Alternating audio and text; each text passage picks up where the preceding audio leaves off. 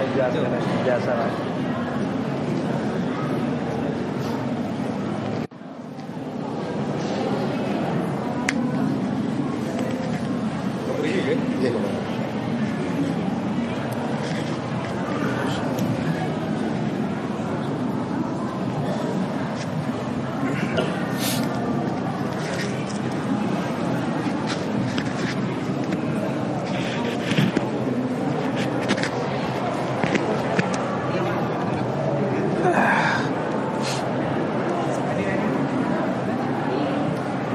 Moga Pak Camat.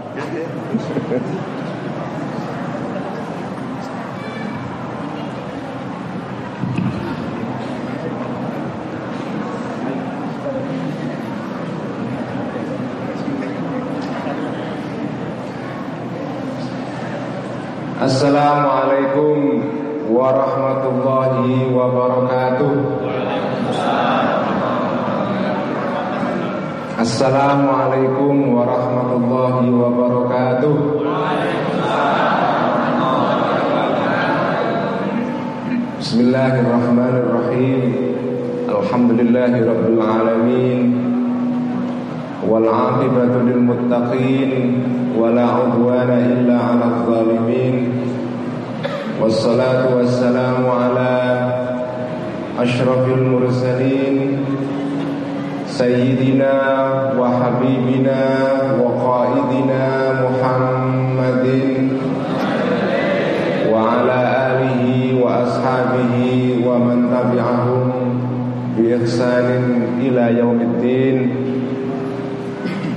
اشرح لي صدري ويسر لي أمري واحلل عقدة من لساني يفقه قولي رب زدنا علما وارزقنا فهما آمين يا رب العالمين أما بعد Para rawuh, para sederek, para hadirin, para hadirat Wabil khusus para romo kiai, para tokoh-tokoh masyarakat Ketua NU PCNU Pekalongan para Bapak Lurah, Bapak Dandim, Bapak Kapolsek, Bapak Camat, Ketua Ansor anak cabang ya, IPPNU, IPNU, Banser, ini rombongan banyak sekali ada pilkada serentak, ada pelantikan serentak ini. Para hadirin hadirat, saudara-saudara semua yang saya hormati, sungguh suatu kehormatan yang luar biasa bagi saya untuk bisa hadir di majelis yang sangat mulia ini di masjid yang insya Allah akan segera selesai. Kita doakan dengan pengajian pada malam hari ini. Suatu kehormatan bagi saya bisa bermuajahah ketemu dengan para nahdiyin, para nahdiyat, para aktivis NU, anak-anak muda NU dalam rangka pertama pelantikan sejumlah pengurus NU dan banom-banomnya tadi tetapi juga di dalam rangka ngaji kitab Ihya atau yang disebut dengan kopdar atau kopi darat. Tapi kopinya ada enggak ini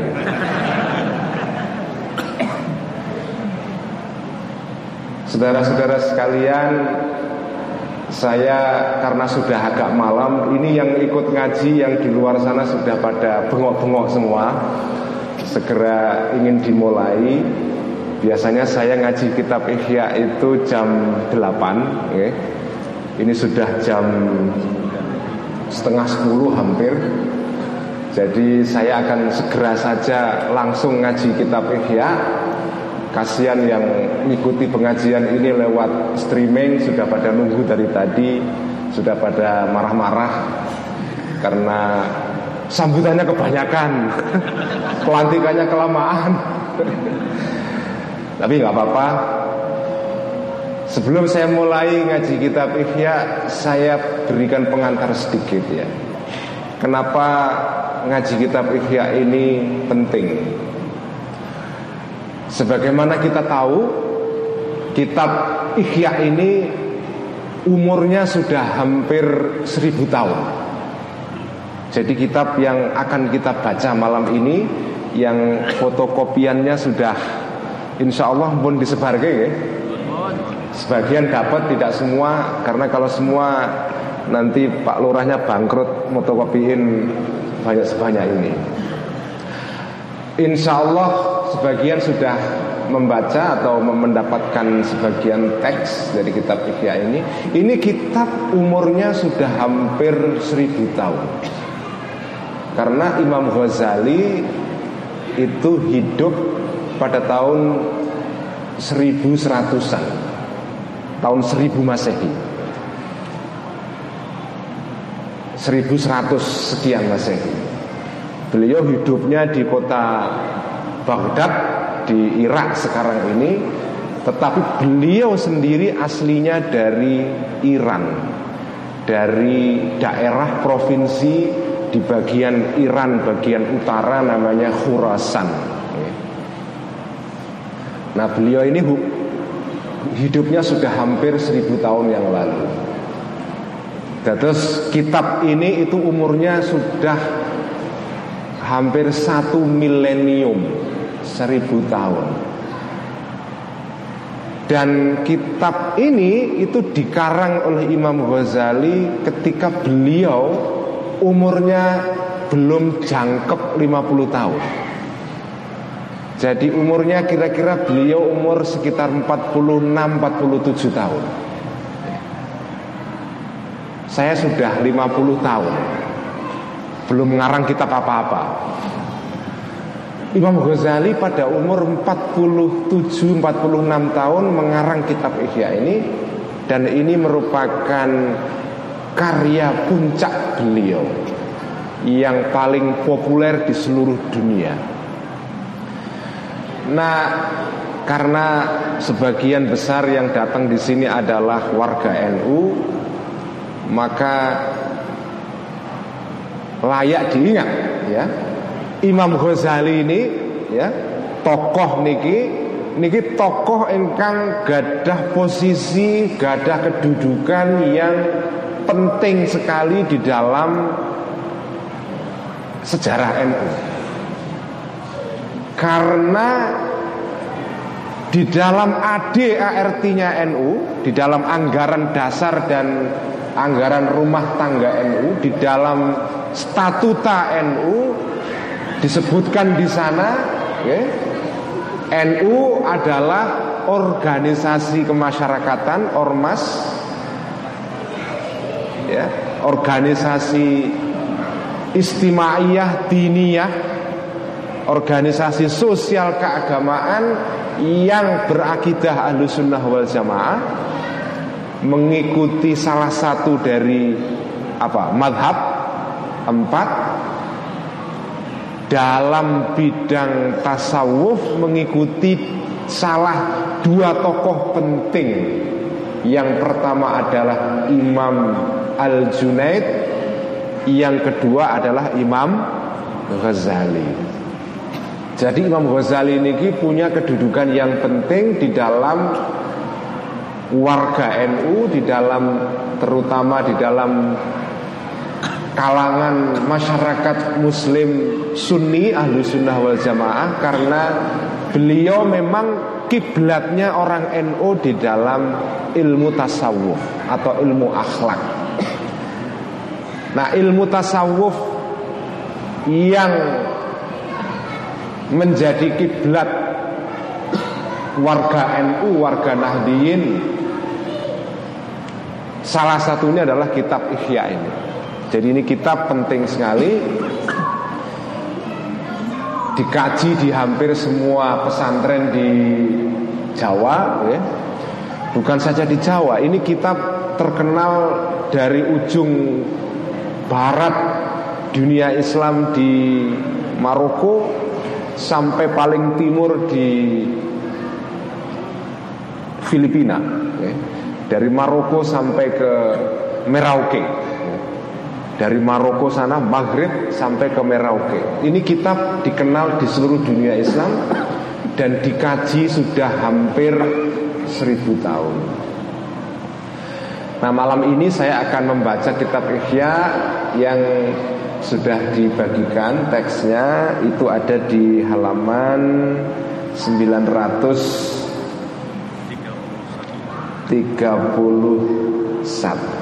okay.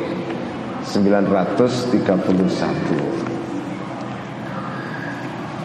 Mari kita menghadiahkan Al-Fatihah kepada Imam Ghazali sebelum kita mulai ngaji Ihya ini. Ila ruhi nabiyina wa syafi'ina Muhammadin sallallahu alaihi wasallam wa ila arwahil anbiya'i wal mursalin wa ila arwahil ali wal ashabi ajma'in وإلى أرواح أموات المؤلفين والمسنفين والعلماء الصالحين خصوصا مؤلف هذا الكتاب حجة الإسلام أبا حامد الغزالي. قدس الله سره ونور طريقه وأعاد علينا من بركاته ونفعنا بعلومه. وإلى أرواح أموات المسلمين والمسلمات والمؤمنين والمؤمنات خصوصا إلى أرواح مؤسسي جمعية نهضة العلماء وإلى أرواح آبائنا وأجدادنا وجدادنا ومشايخنا وأساتذتنا غفر الله ذنوبهم وستر عيوبهم ويعلي درجاتهم شيء لله لهم الفاتحة. أعوذ بالله من الشيطان الرجيم. بسم الله الرحمن الرحيم. Alhamdulillahi Rabbil Alamin Ar-Rahmanir Rahim Maliki Yawmiddin Iyaka na'budu wa iyaka nasta'in Ihdinas siratal mustaqim Siratal ladhina an'amta alaihim Ghairil maghdubi alaihim Waladhalin amin. Bismillahirrahmanirrahim. Ihya halaman 931 Sampun ketemu? 931 nggih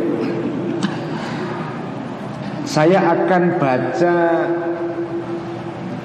Jadi bagian yang akan saya baca ini adalah Berbicara tentang Mengenai pentingnya akhlak Atau akhlakul karimah Husnul khuluq Di dalam agama Islam. Saya akan baca baris kedua dari bawah. Wa'an Abi Hurairah Wa'an Abi Hurairah Sudah ketemu ya? Wa'an Abi Hurairah radhiyallahu anhu Dan diriwayatkan dari sahabat Abi Hurairah radhiyallahu anhu Anin Nabi dari kanjeng Nabi Sallallahu Taala Alaihi Wasallam Kala bersabda Ya Saya ngaji kitab Ihya ini ngikuti ala pesantren ini ada Pak Dandim dari Sulawesi Selatan okay.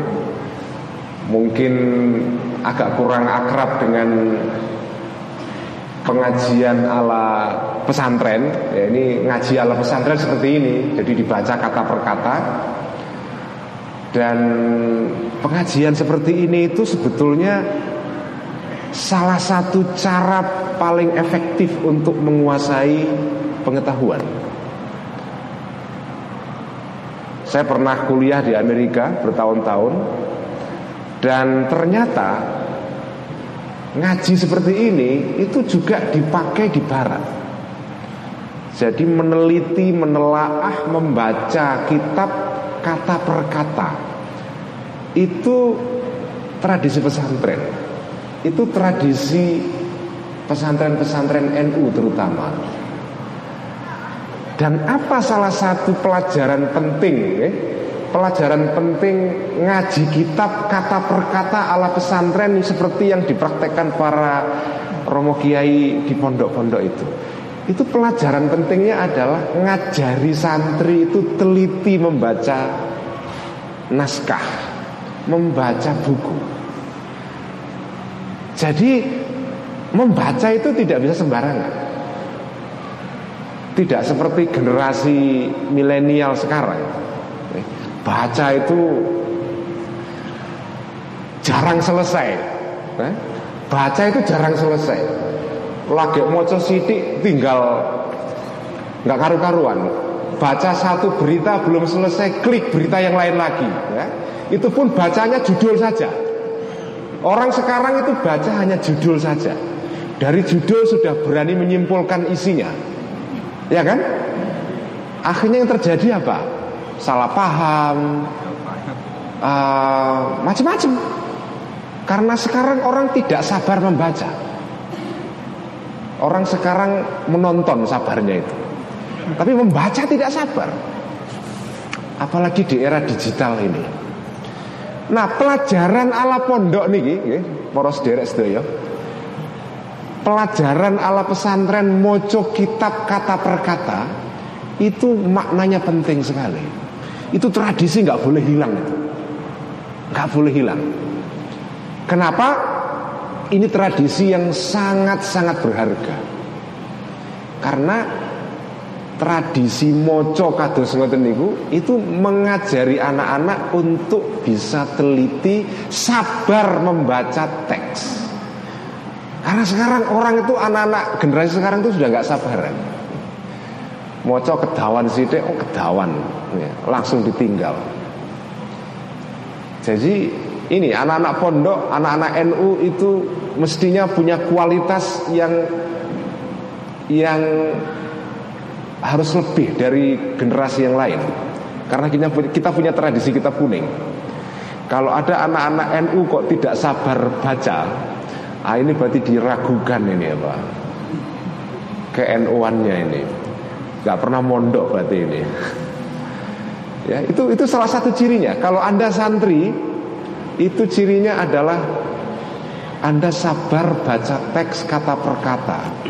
Bahkan dulu zaman ya sampai sekarang juga masih begitu. Kiai-kiai itu kalau bulan puasa itu baca kitab mulai jam berapa itu? Mulai dari pagi jam 8 pagi Mbah Maimun Zubair itu yang sepuh sudah hampir 94 tahun ya umurnya Ki Maimun Zubair Sarang itu itu ngaji kitab masih kuat berjam-jam kata per kata itulah itu tradisi yang penting dalam tradisi pesantren yang harus dilestarikan ya. Membaca kata per kata. Wa'an Abi Hurairah radhiyallahu anhu anin Nabi sallallahu taala alaihi wasallam qala bersabda Kanjeng Nabi. Sabdanya Kanjeng Nabi adalah ini Karomul mu'mini dinuhu Wa hasabuhu husnu khulukihi Wa muru'atuhu akluhu Ini hadis penting sekali Karomul mu'mini Kemuliaan seorang yang beriman Ini sabda kanjeng Nabi ya Kemuliaan seorang beriman dinuhu adalah apa? Agamanya. Orang itu mulia bisa dengan berbagai cara, dengan jabatan, dengan harta, dengan jaringan sosial, dengan follower yang banyak di Facebook itu juga bisa kemuliaan juga, ya. Dengan banyak teman, dengan banyak macam-macam. Punya saudara-saudara yang punya jabatan tinggi-tinggi itu juga kemuliaan. Tetapi kemuliaan yang sesungguhnya adalah agama seseorang. Dinuhu agama orang. Itulah itulah kemuliaan yang sesungguhnya yang lain-lain kemuliaan yang lain-lain itu kemuliaan yang sifatnya sekunder bukan primer. Wahasabuhu ya wahasabuhu dan derajat seseorang kadar apa kalau emas itu kan apa ada namanya karat ya. Dan karatnya seseorang itu namanya wahasabuhu ya. Kalau bahasa Jawa itu ada bebet bobot bibit nah, wahasabuhu itu kira-kira bebetnya ya bebetnya seseorang husnu khulukihi adalah akhlak baiknya orang tersebut. Jadi orang itu kemuliaannya pertama karena agama, kemudian bobotnya ya harganya dia di mata jadi kemuliaan orang di mata Allah itu karena agama kemuliaan orang di mata manusia yang lain itu akhlaknya. Itu namanya wahasabuhu. Wahasabuhu itu kira-kira kemuliaan tapi di mata manusia yang lain. Tapi karomuhu kemuliaan yang pertama tadi itu kemuliaan di mata Allah Subhanahu wa taala. Jadi kemuliaan orang di mata Allah karena agama, kemuliaan orang di mata orang lain itu adalah karena akhlaknya. Wamuru'atuhu dan harga diri seseorang itu? Kalau di dalam bahasa Indonesia ada namanya marwah seseorang ya marwah. Marwah itu artinya adalah harga diri seseorang. Akluhu adalah akalnya orang tersebut. Orang itu punya harga diri karena dia punya akal punya kecerdasan. Jadi inilah inilah ajaran kanjeng Nabi. Agama akhlak yang baik dan kecerdasan. Kalau orang punya tiga itu, kalau orang NU punya tiga ini, ya, kalau tadi pengurus-pengurus yang dilantik tadi itu secara serentak itu, itu punya tiga ini selesai, NU selesai udah. Ya, punya agama, udah jelas kita semua punya agama. Akhlak, belum tentu orang yang punya agama punya akhlak. Bener gak? Ya kan? Orang punya agama belum tentu punya akhlak. Dalam hadis yang sebelum ini, kanjeng Nabi ada seorang sahabat, ada seorang sahabat diceritakan dalam hadis sebelum bagian ini yang saya baca minggu yang lalu di ngaji Ihya di Karimun Jawa. Diceritakan begini. Ada seorang sahabat lapor kepada kanjeng Nabi, ada seorang sahabat perempuan yang pekerjaannya itu kalau siang puasa, kalau malam itu dia tahajud, sholat, udahlah pokoknya ibadahnya kelas wahid pokoknya, ibadahnya top. Tetapi sahabat ini komplain, tetapi kanjeng Nabi orang ini ibadahnya keren, cuma kok dia sikap sosialnya itu nggak menyenangkan. Itu kira-kira gitu. Akhlaknya itu buruk kan Nabi. Dia mengganggu tetangganya, dia tidak bisa bisa bergaul dengan dengan baik dengan tetangganya. Apa sabda kanjeng Nabi tentang perempuan ini? Katakan kanjeng Nabi, tidak ada kebaikan di dalam orang ini. Bahkan kanjeng Nabi langsung memberikan apa seperti komentar yang agak keras sekali. Bukan saja tidak ada kebaikan pada orang seperti itu, dia min ahlin nari. Orang seperti itu lebih layak masuk neraka. Dalam hadis sebelumnya dikatakan begitu. Jadi ibadah yang luar biasa, ibadah vertikal hablun minallah ya, Walaupun kita ibadah vertikalnya itu baik sekali Tetapi kalau kita ibadah horizontalnya Atau kesalehan sosial kalau bahasa anak-anak ansor sekarang ya Yang sudah ikut apa e, di Klatsar. Apa? PKD ya. Ada banser di sini ada juga? Banyak ya. Bahasanya sekarang kan kesalehan individual kesalehan Kesalahan individualnya keren ya. 10 nilainya, tapi kesalahan sosialnya hanya dapat 5 atau bahkan kurang. Kesalahan individualnya top, umrohnya tiap bulan. Tapi dia terkena operasi OTT. Misalnya ini ya, di sini pasti tidak ada. Ya. Itu contohnya. Katakan jing Nabi sahabat seperti itu, orang seperti itu, itu tidak ada kebaikan di dalam dirinya. Ya. Bahkan hia min ahli nar itu termasuk orang yang ahli neraka. Jadi betapa pentingnya akhlak dalam Islam ini. Ya. Seringkali kan orang itu mengabaikan ini kadang-kadang kita sering kali salah prioritas ya. Kalau urusan perkara-perkara yang bersifat ritual itu orang Islam perhatiannya besar sekali ya. Bagaimana cara wudhu yang benar, sholat yang benar dan seterusnya. Ya baik itu semua harus. Karena kalau sholatnya tidak benar juga nggak nggak memenuhi syarat juga batal. Tetapi tidak cukup di situ. Kita sering kali perhatian begitu besar kepada masalah-masalah ritual, tapi begitu masalah akhlak kita anggap itu tidak terlalu penting. Itu namanya orang yang salah prioritas. Ya. Yang di dalam ajaran Ihya Imam Ghazali itu sama sekali tidak dibenarkan. Tidak bisa dibenarkan karena akhlak yang baik itu bagian dari ajaran yang penting di dalam agama. Wa'an. Saya teruskan ya. Sekarang menginjak halaman berikutnya 932 Dibalik. Wa'an Usama bin Syuraikin Dan dikisahkan dari sahabat Usamah bin Syuraik ya. Salah satu sahabat kanjeng Nabi ya. Kala berkata sahabat Usamah bin Syuraik Syahidul a'ariba yas'aluna an-nabiyya Syahid itu menyaksikan aku Maksudnya sahabat Usamah ini Al-A'ariba kepada orang-orang Arab Badui ya, Orang-orang Arab Desa yang jauh dari perkotaan lah ya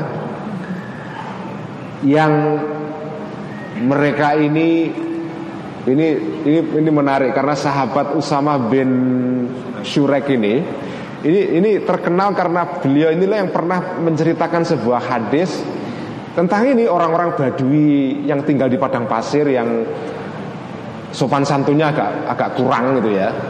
Sering ya kepada kanjeng Nabi kayak iya kayak kasar, kasar gitu ya. Itu kan orang-orang Arab Badui itu kadang-kadang ya karena mereka tidak ngerti sopan santun. Jadi sowan kanjeng Nabi belum sampai masuk rumah itu sudah bengok-bengok dari luar. Gitu. Muhammad gitu. Itu biasa begitu. Sampai turun ayat kan surat Al-Hujurat itu. Ya ayyuhalladzina amanu la tarfa'u aswatakum fawqa sautin nabi wala tajharu bil qawli kajahri ba'dikum li ya. Karena itu orang-orang Badui ya biasa orang Cuma mereka ini walaupun kelihatannya kurang adab ya tapi orang-orang ini sebetulnya punya kemurnian hati ya. Mereka kepengen belajar Islamnya tinggi sekali. Karena itu mereka sering datang kepada kanjeng Nabi. Jadi pernah dalam sebuah hadis yang diriwayatkan oleh sahabat Usama bin Shurek ini Beliau menceritakan satu adegan. Suatu saat kita ini para sahabat-sahabat yang tinggal di Madinah Itu ada di depan kanjeng Nabi Ya sedang soan gitu semua orang menunduk seperti di kepala di atas kepala sahabat ini kaanna ala ruusihim atuyur seolah-olah ada burung yang sedang berterbangan di atas kepala para sahabat ini. Maksudnya apa? Mereka tidak berani dangak nggak berani menatap kanjeng Nabi dingkluk semua ya saking hormatnya kepada kanjeng Nabi itu itu adegan yang dikisahkan oleh sahabat Usama bin Syur itu terkenal itu. Kemudian tiba-tiba datang nyelonong orang-orang Badui ini langsung datang ke pajak kanjeng Nabi terus nerocos nanya sesuatu. Nah, ini pertanyaannya salah satunya ini ya. Ini ini sebetulnya hadis ini konteksnya gitu. Sahabat semua pada apa Eh, di samping kanjeng Nabi mereka diam semua tidak berani nanya tapi begitu ada orang-orang Arab Badui tanya dan mereka kaget semua ini orang kok agak kurang ini banser mana ini kayaknya kok agak kurang sopan santun. Syahidul A'ariba. Nah ini Sebetulnya dalam hadis yang lain begitu Adegannya itu sahabat yang lain semua diem Mereka apa itu uh, khusyuk di depan kanjeng Nabi lalu syahid itu menyaksikan aku sahabat Usama bin Syurek al-Ariba kepada orang-orang Arab Badui yas'aluna mereka bertanya an-nabiyya kepada kanjeng Nabi sallallahu taala alaihi wasallam yaquluna Hale ngucap kabeh kalau dalam bahasa pesantrennya ya dalam keadaan mereka berkata semua ya Bertanya maksudnya ya kuluna dalam keadaan mereka bertanya. Ini orang-orang Badui ini ya datang langsung tanya kepada kanjeng Nabi.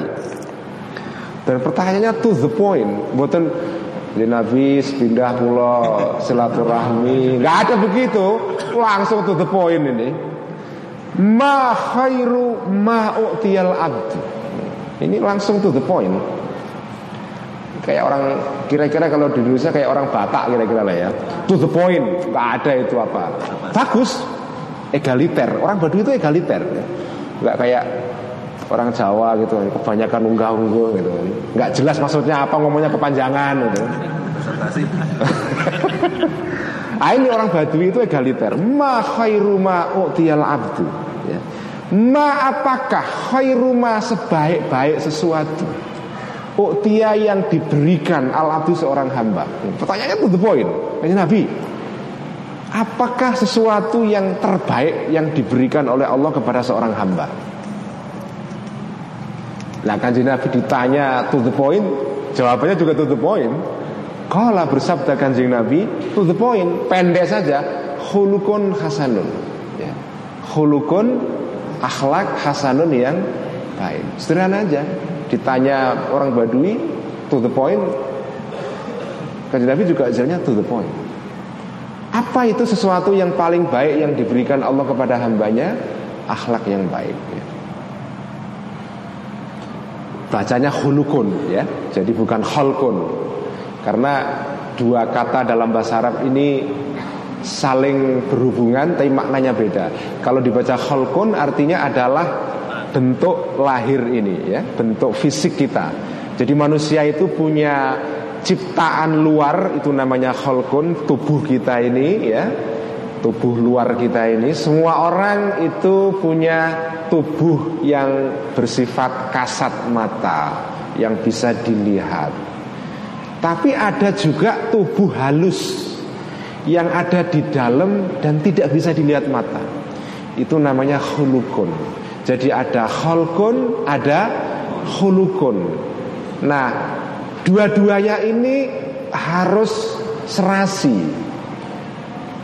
Kalau orang sudah diberikan holkun Ciptaan lahir yang indah ini ya Manusia itu kan oleh Allah disebutkan sebagai Lakot khalaqnal insana fi ahsani taqwim. Manusia itu diciptakan di dalam bentuk yang paling sempurna ya, Paling sempurna Kemarin di Karimun Jawa saya ceritakan Manusia itu salah satu keistimewaannya Dia itu berdiri tegak Tidak melata atau berangkang atau apa kalau ya kayak binatang itu loh berjalan dengan empat tangan empat kaki melata ya. manusia itu jalannya dengan dua kaki saja sehingga tangannya itu bebas. Tapi kalau binatang yang lain karena dia tidak berdiri tegak dia berjalannya melata dengan empat tangannya. Karena empat tangannya dipakai semua Maka tangannya ini sibuk semua dipakai untuk berjalan. Manusia karena dia berdiri tegak Maka tangannya ini bisa bebas dipakai untuk sesuatu yang kreatif Peradaban manusia itu Lahirnya sebagian besar itu karena tangan Ini tangan ini cuma 10 jari ini itu masjid yang keren ini ya walaupun belum selesai Pak Lurah ya. Ini gara-gara tangan ini kan.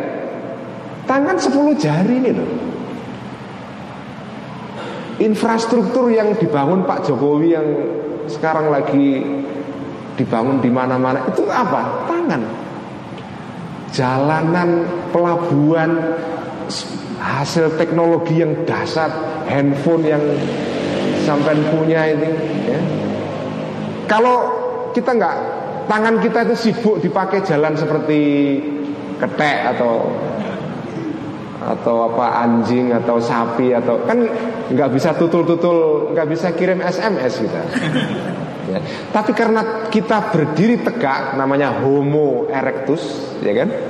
Manusia yang berdiri tegak maka tangan kita itu bebas dia bisa dipakai untuk melakukan aktivitas yang luar biasa. Itulah makna maknanya laqad khalaqnal insana fi ahsani kita diciptakan sebagai mustakwimin itu bisa juga dimaknai sebagai manusia yang berdiri tegak sebagai homo erectus sehingga tangannya bisa dipakai untuk menciptakan peradaban dan matanya itu bisa melihat jauh ke depan.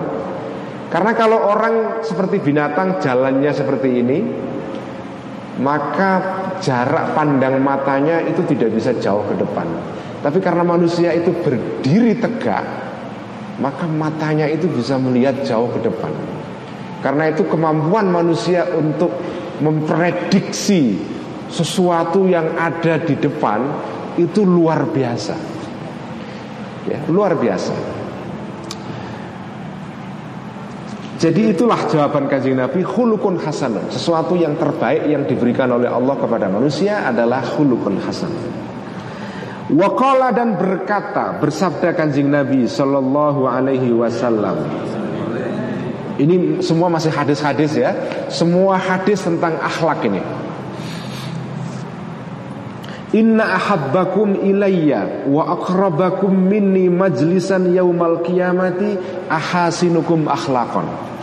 Inna ahabbakum ini sabda kanjeng Nabi. Inna ahabbakum sesungguhnya paling dicintai di antara kalian semua ya, ilayya kepadaku ya, umatku yang paling saya cintai di antara kalian ini wa akrabakum dan paling dekat di antara kalian semua para umatku minni dari aku kanjeng Nabi majlisan tempat duduknya ya majelisnya yaumal kiamati pada hari kiamat nanti ketika orang semua digiring di apa padang mahsyar ya. Orang yang paling dekat tempat duduknya kepadaku kanjeng Nabi dan paling aku cintai nanti di hari kiamat ahasinukum akhlakon ahasinukum adalah yang paling baik di antara kalian semua akhlakon akhlaknya apa nih akhlake ya? Kalau dalam bahasa pesantren gitu apa nih akhlake? Tamis ya. Apanya akhlaknya? Apanya jadi itu. Saya ingin tegaskan lagi Akhlak itu jangan diremehkan. Ya, Betul-betul jangan diremehkan. Karena Ya insya Allah kalau di Pekalongan sih Semua orang berakhlak ya. Insya Allah Tapi kalau di kota-kota besar kayak Jakarta itu Ada ada satu kecenderungan ini Ya ini kecenderungan yang Meresahkan Saya terutama minimal ya Orang itu agamanya bagus ya. Tapi begitu sampai urusan akhlak itu tidak terlalu nggak terlalu bagus. Maksudnya agama dalam pengertian kesalehan tadi itu individualnya, ya ibadahnya, hajinya, umrohnya, puasanya, sholatnya semua beres. Tetapi cara dia berkomunikasi dengan orang itu ya Allah. Loh, orang Orang yang melakukan tindakan terorisme itu dikira mereka terus ibadahnya Oh gak kalian ini dancer semua kalah itu kalau soal ibadah itu puasa Jidatnya aja di sini nggak ada yang hitam kan Kalah itu soal soal ibadah ya Tapi ya maaf maaf dalam urusan akhlak mereka kadang-kadang mengabaikan itu Bahkan mereka bisa mencaci orang yang beda pendapat ya. Orang yang hanya karena beda sedikit saja itu bisa disakiti dengan entah tulisan dia, entah dengan ucapan dia, dengan cara komentar dia, nyinyirnya itu kan. Itu kan begitu.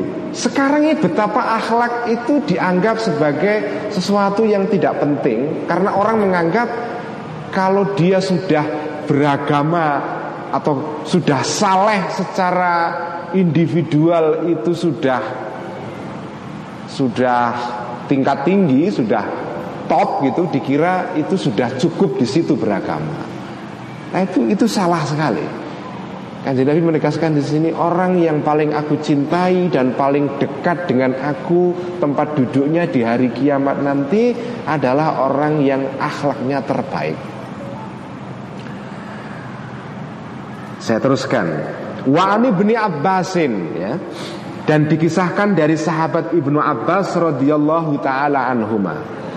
Kala berkata Sayyidina Ibnu Abbas ya, sahabat Kanjeng Nabi yang dikenal ahli tafsir ya, Ibnu Abbas. Kata beliau, kala bersabda Rasulullah Rasulullah sallallahu alaihi wasallam.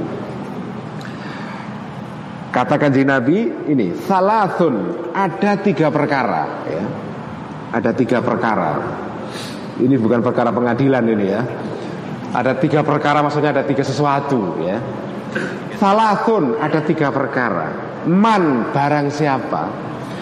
Lam takun Yang tidak ada tiga perkara tadi itu tiga sesuatu tadi itu fihi pada orang itu ada tiga perkara kalau orang tidak punya tiga atau salah satu dari tiga perkara ini awahidatun atau salah satu minhuna dari apa tiga perkara tadi itu ya kalau ada orang tidak punya ketiga-tiganya atau salah satu minimal maka falatak tadi ya. Falatak tadi maka jangan menganggap serius kalian semua ya. Bisain dengan sedikit pun ya. Maksudnya jangan anggap serius sedikit pun min amalihi dari amalnya dia. Bisain dengan sedikit pun min amalihi dari amalnya dia. Kalau ada orang amalnya keren sekali maksudnya kesalahan individualnya top banget tapi tidak punya tiga perkara ini atau salah satunya udahlah abaikan saja nggak penting amalnya itu itu kira-kira begitu. Gak penting amalnya dia itu. Fala ta'tadu bisyai'in min amalihi. Gak penting amalnya itu. Apa tiga perkara itu? Ini ya, camkan satu persatu ya. Pertama, takwan, ketakwaan ya. Cuma ini ketakwaan bukan sekedar ketakwaan yang ketakwaan ucapan saja, tapi ketakwaan berupa kualitas individu ya, sifat dalam diri kita tah juzu yang bisa mencegah takwaan tadi itu hu kepada orang tadi an ma'asillahi dari maksiat kepada Allah. Pertama takwa yang membuat orang itu takut berbuat sesuatu yang melanggar hukum moral. Itu pertama. Orang kalau sudah punya takwa yang seperti itu, itu sebetulnya tidak butuh dandim, tidak butuh apa Pak Kapolsek. Polisi itu kan dibutuhkan bagi orang yang tidak punya ketakwaan di sini. Karena kalau orang sudah punya takwa, itu polisinya kan ada di sini. Apa sih perlunya polisi segala itu? Itu kan bagi orang yang kalau dalam bahasa hukum belum punya kesadaran hukum, itu istilahnya. Dalam ilmu sosiologi hukum itu kan ya tugas aparat keamanan atau aparat kepolisian itu kan menegakkan hukum bagi orang yang belum punya kesadaran hukum. Tapi kalau orang sudah punya kesadaran hukum, itu kan polisinya berubah dari polisi lahiriah menjadi polisi batiniah. Polisinya tidak nyegat di pinggir jalan tapi nyegatnya di sini. Itu maksudnya takwan tahjuzuan ma'asillah. Jadi ketakwaan sikap individu yang membuat orang itu tidak berani melanggar hukum moral. Itu namanya takwa ya. Kalau orang belum sampai pada level itu, itu namanya belum punya takwa. Takwa baru sekedar omongan. Tapi kalau orang sudah punya sikap seperti itu, tidak ada polisi tapi kamu tetap tidak berani melanggar peraturan. Saya ingat kolom yang ditulis oleh Gus Dur tahun 80-an di majalah Tempo. Gus Dur pernah nulis kolom Judulnya Menunggu Setan Lewat. Jadi Gus Dur itu satu ketika Dulu Gus Dur itu ya kayak anak PMI itu Kalau pulang sering malam-malam gitu apa Habis rapat sampai jam Satu baru Baru pulang gitu. Satu saat beliau ini malam-malam Jalan bersama dengan Dulu pernah jadi sekjen PBNU zaman Gus Dur eh, bapaknya Mas eh kakaknya Mas Lukman Menteri Agama yang sekarang Kiai Saifuddin Kiai eh, uh, Pak Fahmi Saifuddin ya. Bapak Fahmi Saifuddin. Jadi Gus Dur sama Pak Fahmi itu satu malam naik mobil sekitar jam 2 malam gitu di daerah apa Rasuna Said Kuningan sana di Jakarta Selatan.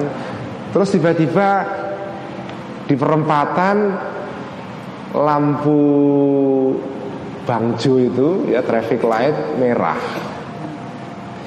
Sepi nggak ada kendaraan yang lain kan? Lalu Gus Dur berhenti. Terus kata Pak Fahmi Saifuddin Gus kenapa berhenti itu? Ya lampu merah masa nggak berhenti? Terus kata Pak Fahmi Kan nggak ada mobil jam 2 malam itu. Kenapa nggak langsung saja Ya kan lampu merah. Ya kan nggak ada mobil. Nah otot-ototan kan. Akhirnya kata Gus Dur Ya sudah Kita berhenti saja Kita andaikan Ini banyak Apa itu Setan lewat ini apa. Kita tunggu setan lewat Nanti kita setelah itu kita jalan itu. Jadi Intinya orang itu taat hukum itu ya taat. Bukan karena kalau gini, kalau lampu merah sedang menyala merah lalu kita jalan terus karena tidak ada mobil yang lain, sebetulnya nggak apa-apa. Dilihat dari sudut fungsional, betul kan Pak Polisi? Ya? Kan nggak ada apa-apa kan? Oh nggak ada mobil kok. Artinya dari sudut apa eh, bahaya, madorot, mafsadah nggak ada. Itu namanya dalam filsafat moral disebut dengan madhab utilitarian namanya. Jadi kita berbuat sesuatu berdasarkan akibatnya. Kira-kira kalau saya melakukan sesuatu ini ABC ada bahaya nggak? Kalau saya nerobos lampu merah jam 2 malam nggak ada mobil ya. Kalau di Jakarta sekarang mah jam 2 malam masih rame. Tapi zaman itu tahun 80-an sepi aja ya. Misalnya di sini misalnya tapi sini nggak ada lampu merah ya. ya. Jalan aja nggak apa-apa. nggak ada mafsadah. Kita jalan. Nah itu namanya Pak Fahmi Saifuddin tadi madhabnya tadi itu. Bos nggak ada mobil jalan saja. Itu namanya madhab utilitarian. Nggak salah Tapi Gus Dur Madhabnya lain. Hukum ya hukum. Karena Kalau merah kita harus berhenti Ya kita berhenti. Walaupun tidak ada orang lain lewat Kita tetap nggak mau berjalan. Itu namanya dalam filsafat moral disebut dengan filsafat deontologi. Jadi Orang taat kepada hukum bukan karena akibatnya ya, Tapi ya karena ini hukum dia mengatakan A, kita ikuti. Dengan kata lain, orang yang beriman kepada Tuhan, kepada Allah, orang akan menjalankan hukum walaupun misalnya kalau kita langgar hukum itu tidak ada sesuatu yang membahayakan secara langsung kepada diri kita pada saat itu juga. Tapi karena ini adalah perintah atau larangan dari Allah, kita tetap akan jalani itu. Itulah namanya takwa ya. Takwan tahjuzu an ma'asillah Takwa yang membuat orang uh, Tidak melakukan pelanggaran terhadap Hukum moral. Itu pertama ya. Ada tiga perkara. Pertama-pertama itu. Auhilmun Yang kedua Auhilmun atau uh, Apa? Hilmun itu kesabaran Ya. Hilmun itu kesabaran. Nanti saya terangkan Bedanya hilmun dengan sobrun itu apa. Nanti saya terangkan. Auhilmun atau kesabaran Tapi beda dengan sobrun ya. Yakufu yang mencegah Kesabaran tadi itu. Uh, Yang Yakufu yang Yang mencegah Bihi dengan hilmun tadi itu Asafihu orang yang uh, Bodoh ya. Oh, Yakufu yang mencegah khilmun tadi itu bihi dengan adanya khil Yakufu yang mencegah seseorang bihi dengan adanya khilmun asafiha kepada orang yang bodoh ya.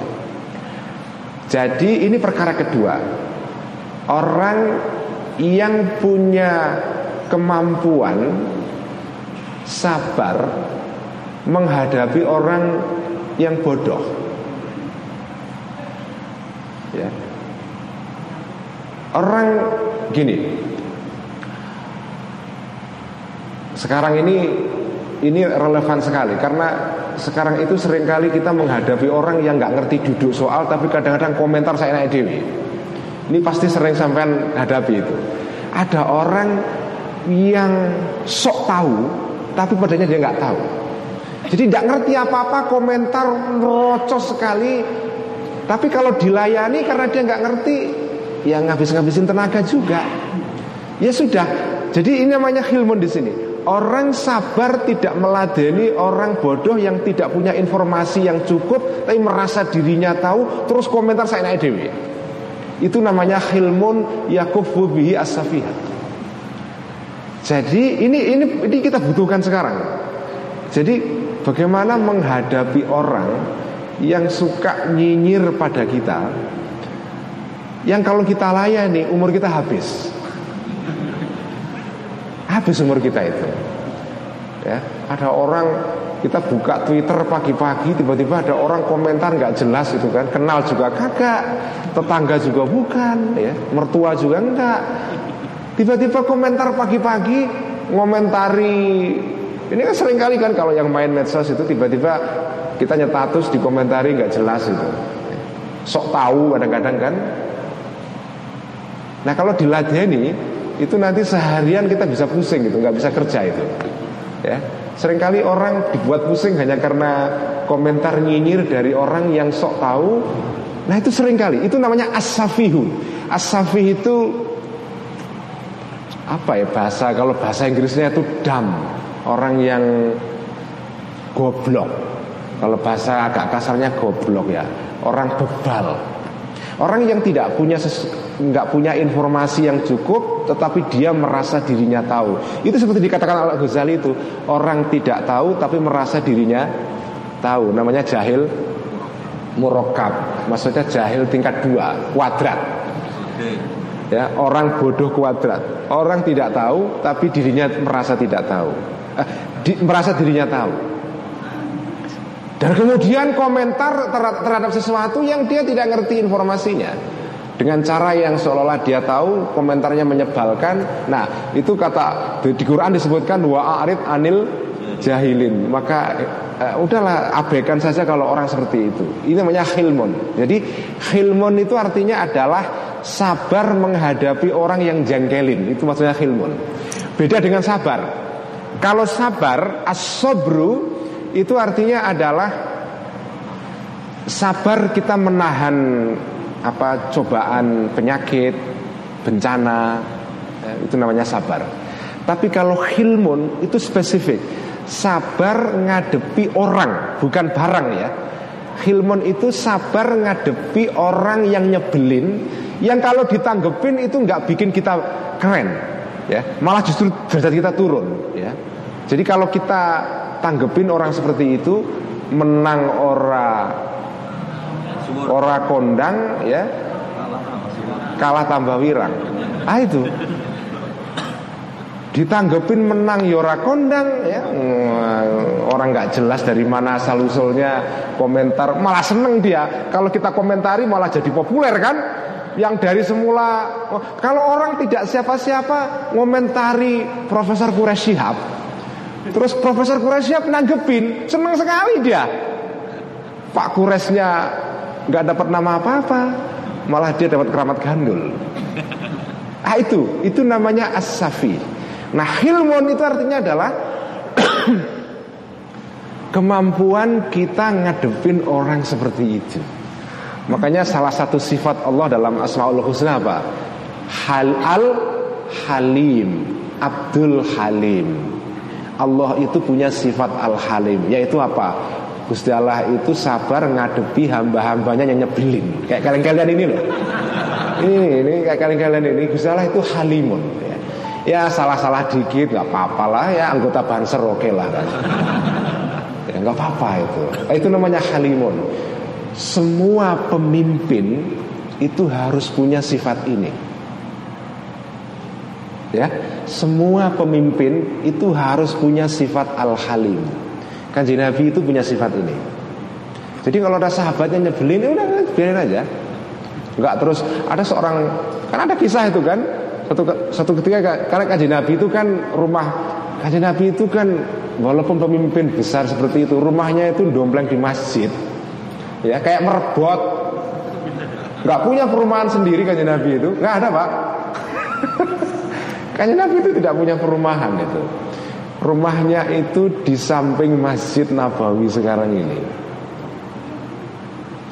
satu ketika kajian Nabi itu di masjid jagung bersama sahabatnya. Tiba-tiba ada seorang badui masuk ke masjid, habis itu kencing di situ. Kalau Pak Lurah lihat kira-kira ada orang dari mana gitu masuk masjid sini kencing kira-kira gimana? Hah? Gimana? Pasti marah kan? Itu ada orang badui masuk masjid kencing, sahabat semua kepengen marah itu kan? Kan Nabi jangan, udah biarin aja. Kan kencing nggak pernah najis ya, kalau najis disiram aja nanti kan. Kan perkara najis ya disiram aja. Jadi itu, kajian Nabi itu punya sifat al-halim, punya sifat yang dalam bahasa Inggris disebut dengan magnanimity. Ya. Magnanimity itu artinya adalah orang besar yang bisa ngapuro, bisa memaklumi, bisa memaafkan kesalahan-kesalahan kecil orang lain. Jadi tidak memperbesar perkara-perkara kecil. Itu namanya al-halim. Kenapa al-halim ini penting? Karena dulu ceritanya zaman jahiliyah, ya. Kenapa ada disebut zaman jahiliyah itu? Ya. Menurut keterangan Profesor Abdul Jawad Ali yang nulis buku tentang sejarah Islam, sejarah bangsa Arab pra-Islam, ya. Ini profesor ini dulu ngajar di Baghdad di perguruan tinggi yang dulu Gus Dur pernah kuliah di sana. Menurut beliau ini Profesor Abdul Jawad Ali, kenapa orang Arab atau era pra-Islam itu disebut dengan era jahiliyah? Apakah karena orang Arab sebelum Islam datang itu bodoh-bodoh? Enggak. Mereka dari sudut kepintaran, oh mereka itu puisinya keren-keren. Ya, penyair-penyair Arab pra-Islam itu luar biasa. Mereka disebut orang jahiliyah karena mereka itu sering kali bertengkar, perang, bersengketa, konflik hanya karena perkara-perkara sepele. Ya.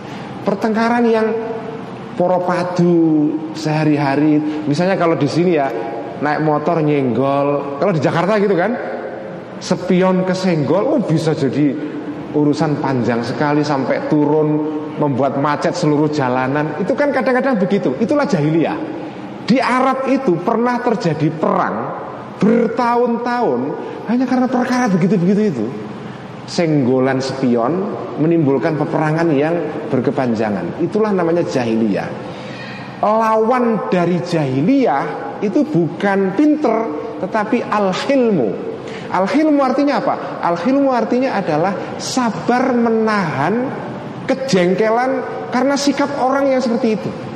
Itulah namanya al-halim. Jadi bukan sabar, sabar itu artinya asobrun ya. Fasobrun jamil itu artinya kita kena penyakit apa bencana ada rob gitu. rumah kita kena rob ah, sabar itu namanya sabar tapi kalau ada teman jengkelin, ya, ah itu kita sabar. Itu namanya bukan sabrun. Namanya apa? Halimun. Itulah makna sabar dalam kata Abdul Halim. Ya, semua pemimpin harus punya watak ini. Karena kalau tidak, ya, orang besar menjadi kehilangan kebesarannya kalau tidak punya al-hilmu. Semua orang besar kebesarannya akan hilang kalau dia tidak punya sifat al-hilmi. Karena sifat seperti inilah yang membuat orang itu disegani. Ya. Kalau orang besar diganggu orang kecil terus marah-marah, malah digodain terus. Bener nggak? Kalau ada orang besar digodain orang kecil nggak terkenal dari mana itu terus dia marah, oh malah digodain terus ya, malah seneng banget yang godain itu malah jadi merosot itu derajatnya dia kan karena apa nggak ada al-ilmu jadi ini ini itu tiga perkara ini. Kalau orang tidak punya tiga-tiganya atau minimal salah satu ya maka katakan Nabi fala ta'tadu bi syai'in min amalihi. Enggak penting amalnya apa mau nyumbang masjid apa apa enggak penting itu. Ya. tapi kalau punya enggak punya tiga dari atau tiga-tiganya alhamdulillah kalau punya semua tapi minimal salah satu. Minimal yang terakhir ini kalau anda kebetulan orang besar ya punya jabatan gitu ya ketua NU ketua Banser harus punya ini ya ketua ansor itu harus punya ini. Ya bisa memaklumi kesalahan-kesalahan kecil bawahannya ya. Jadi halimun itu adalah sabar terhadap bawahan ya sebagai atasan. Itu namanya al halimun masih kuat saya teruskan ya? Masih ya? Eh? lanjut ya? Aduh-aduh aku Jakarta kok. Sayang nak untuk si Dito Pak Pak Polres Pak Polsek gimana masih siap ya? Saya kalau ngaji didampingi dua aparat keamanan begini aman sekali saya.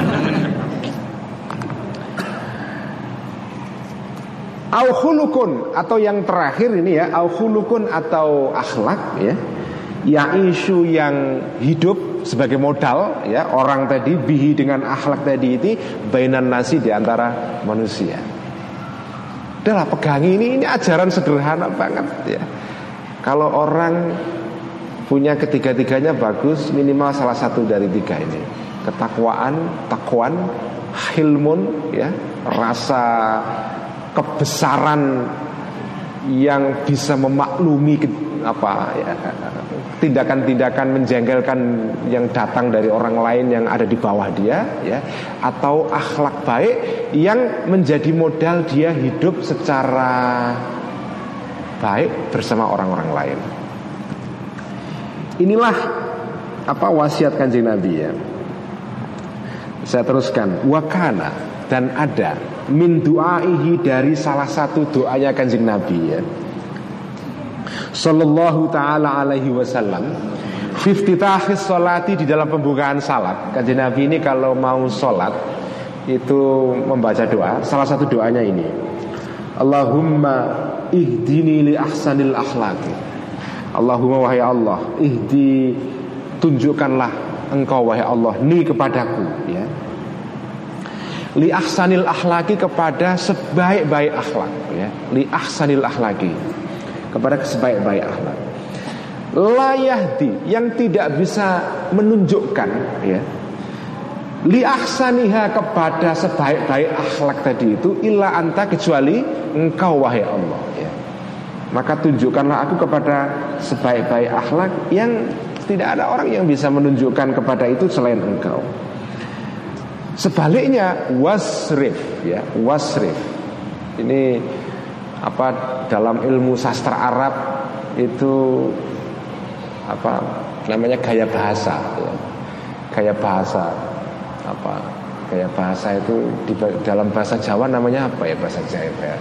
Kan orang itu kalau berbahasa itu kan Manusia itu berbahasa itu kan tidak sekedar hanya berbahasa Tapi ada gayanya Ada dialeknya ya, Ada dialek Tegal, Banyumasan, Kalongan, Semarangan Itu kan beda-beda dialeknya Itu dialek Itu bahasa Arabnya lajah Tapi selain dialek ada gaya bahasa Manusia itu berbahasa itu sebagaimana manusia, ibu-ibu, mbak-mbak ya.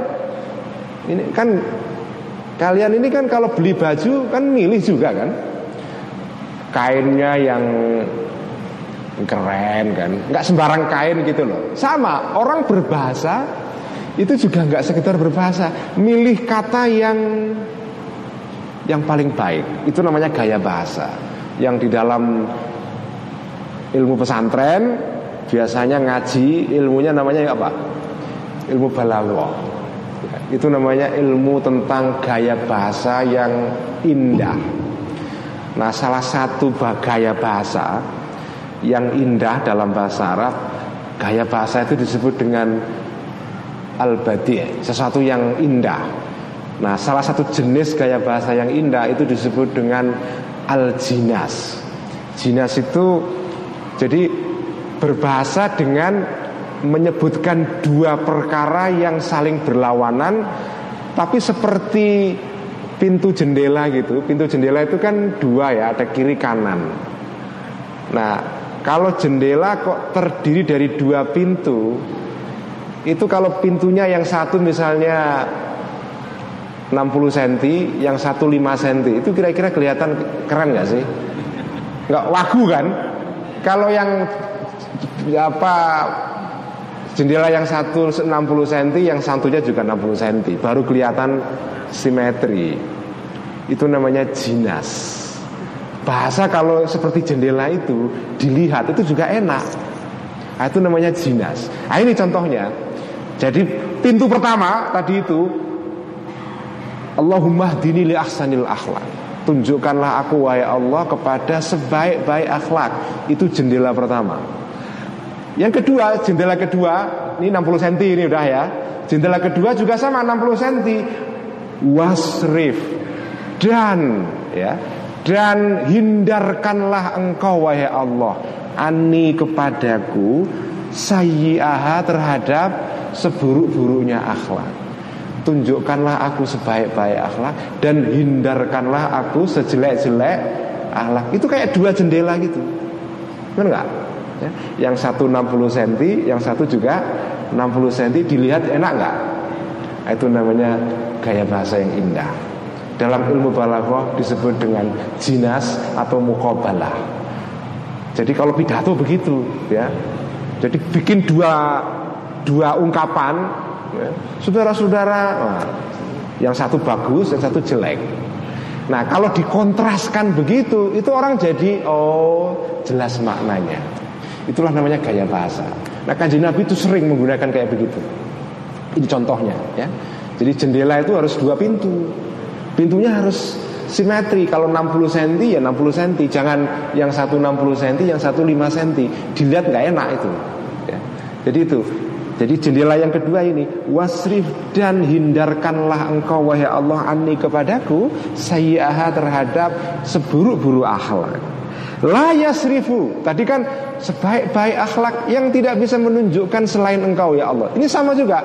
Hindarkanlah aku dari seburuk-buruk akhlak la yasrifu yang tidak bisa menghindarkan ani terhadapku sayyaha dari seburuk-buruk akhlak tadi itu ilah anta kecuali engkau juga. Ini jadi kayak jendela dua dua pintu.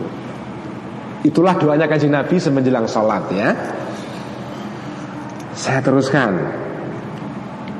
Waqala Dan berkata Anasun sahabat Anas bin Malik ya Bainama nahnu. Ketika kami para sahabat ma Rasulillahi bersama Rasulullah sallallahu taala alaihi wasallam yauman suatu hari kami bersama Kanjeng Nabi tiba-tiba idqala tiba-tiba berkata Kanjeng Nabi bersabda Inna husnal khuluki Sesungguhnya akhlak yang baik ya saudara-saudara Itu layudhibu Sungguh bisa apa? Menghancurkan, melelehkan. Seperti apa? Seperti es yang meleleh karena panas. Itu namanya yudhibu ya. La yudhibu bisa mencairkan ya akhlak yang baik tadi itu al khotiata kepada kesalahan kepada dosa kama sebagaimana bisa mencairkan asyamsu apa? Matahari ya matahari itu bisa mencairkan al jalida kepada apa? Salju. Jadi salju kalau ada panas matahari meleleh. Akhlak yang baik itu bisa melelehkan dosa. Orang itu bisa punya dosa yang banyak, tapi ini bukan gini. Ada dua ada dua jenis dosa ya. Dosa yang bisa dilelehkan oleh akhlak yang baik di sini artinya dosa kepada Allah.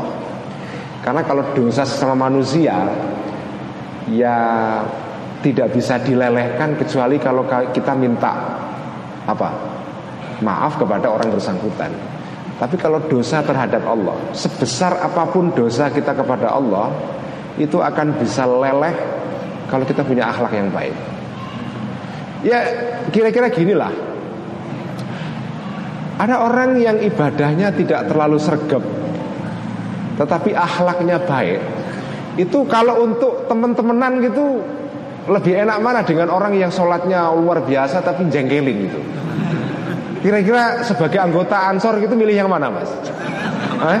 Kalau bisa dua-duanya kan Tapi kalau rekrutmen anggota gitu Ada yang ibadahnya keren tapi jengkelin Yang satu ibadahnya ya sedang-sedang aja Tapi enak diajak ngobrol gitu kan. Orangnya menyenangkan Menyebarkan energi positif gitu kan. Itu kan lebih enak direkrut sebagai anggota ansol ya. Ya kan? Mudah dikader juga. Daripada yang akhlaknya jelek itu. Ya itu. Jadi akhlak ini betapa pentingnya itu. Jangan mengabaikan akhlak ya. Wakala dan berkata kanjeng Nabi alaihi salam min saadatil mar'i salah satu dari sumber kebahagiaan seseorang husnul khuluqi adalah akhlak yang baik. Orang kalau akhlaknya baik bahagia. Bukan saja bahagia orang itu, orang di sekitarnya pun juga bahagia. Itu yang tadi saya sebut sebagai energi positif itu. Ada orang itu ya, pasti bapak-bapak ini pernah ngalami lah. Ada orang itu orang itu belum ngomong kita baru lihat orangnya aja udah senep apa ya? Udah. Menek nggak menarik itu. Ada itu.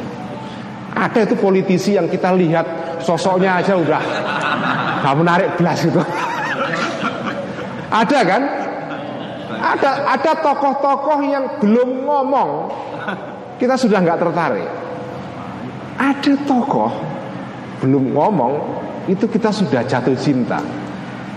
Ngomong makin jatuh cinta kita. Ada seperti itu.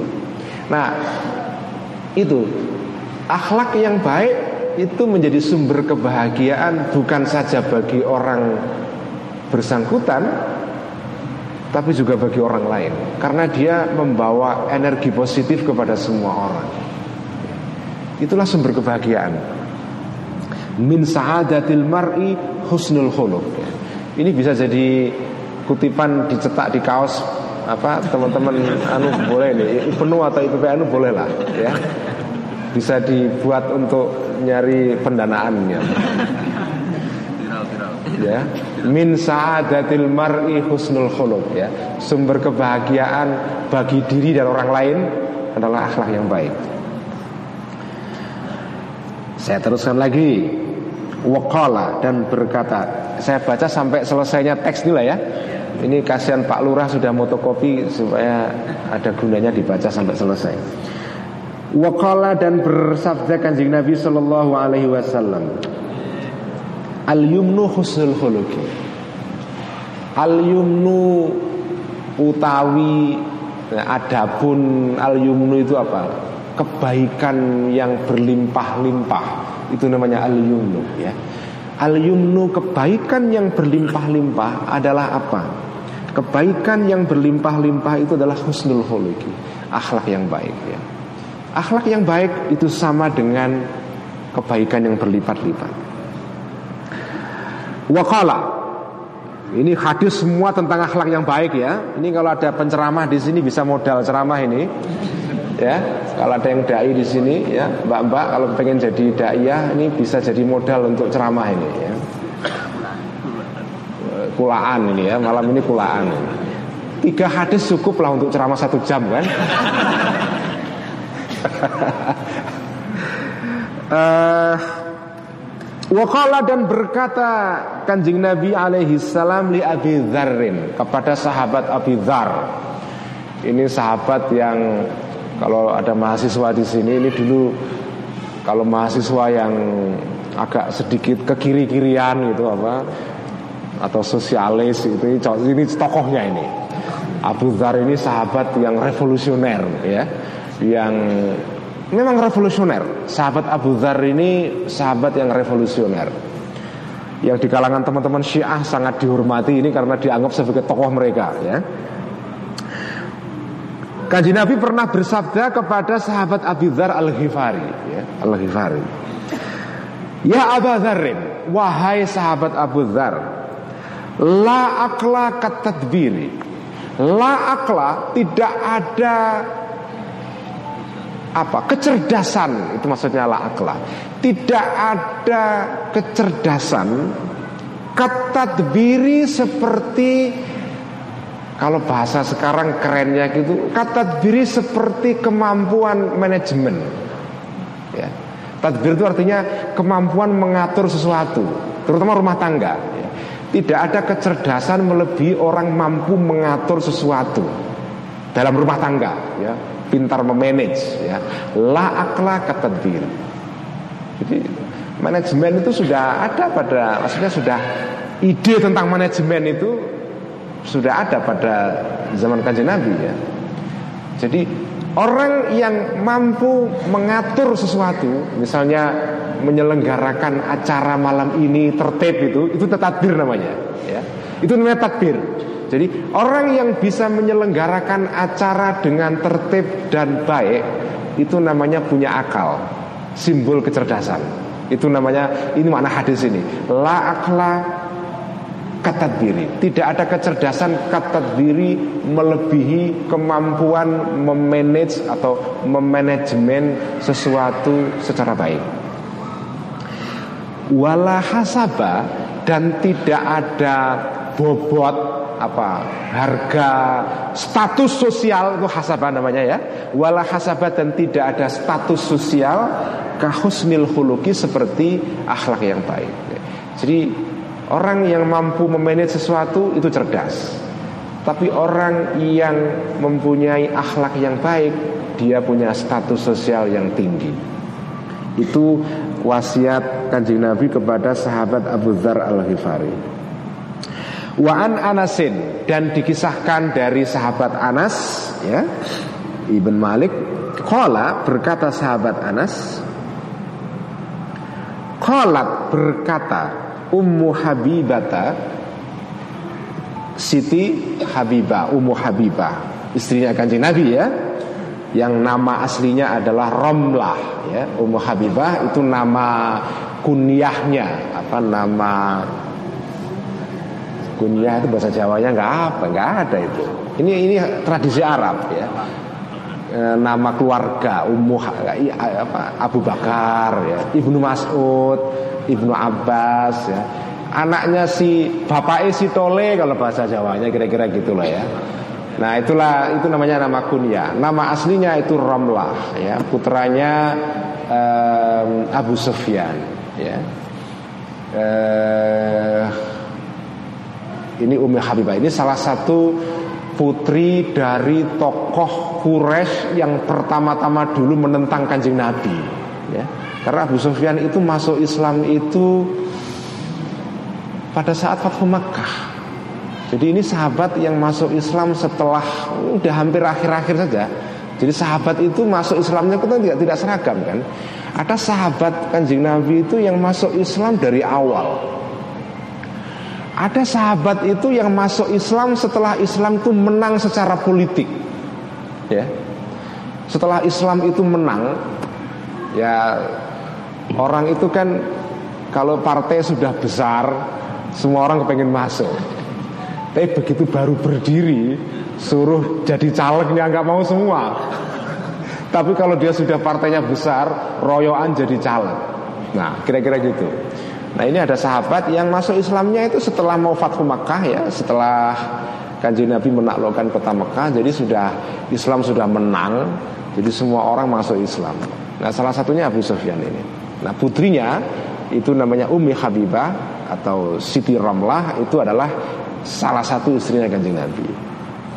Nah satu ketika um, Ummu Habibah ini tanya kepada suaminya yaitu kanjeng Nabi li Rasulillah berkata kepada Rasulullah Sallallahu Alaihi Wasallam kata pertanyaannya adalah aroaita ya. Bagaimana kanjeng Nabi? Aroaita. Jadi bagaimana pendapat uh, uh, panjenengan kanjeng Nabi? Ya, almarata terhadap seorang perempuan yakunu ada punya laha bagi perempuan tadi itu zaujane. Jadi Nabi ada perempuan punya dua suami. Maksudnya bukan suami dua langsung sekaligus Enggak ya. Itu ya nggak bisa Tapi punya suami pertama cerai atau meninggal Kawin lagi ya. Fit dunia di dunia. Ada orang perempuan punya suami dua di dunia. Fatamutu kemudian perempuan ini meninggal. Wayamutani dan meninggal kedua suaminya tadi itu wayadkhuluna dan semua mereka masuk al jannata surga. Jadi ini ada orang perempuan suaminya dua mati semua, maksudnya sudah mati semua masuk surga. Nanti perempuan ini milik suami yang mana ini? Bagaimana cara mengatur kan nggak mungkin dimiliki secara bersama kan? ini milik suami yang mana ini? Di ayihima bagi suami yang manakah dari dua suami tadi itu? Ya perempuan tadi itu tak takunu ada. Ini milik suami yang mana?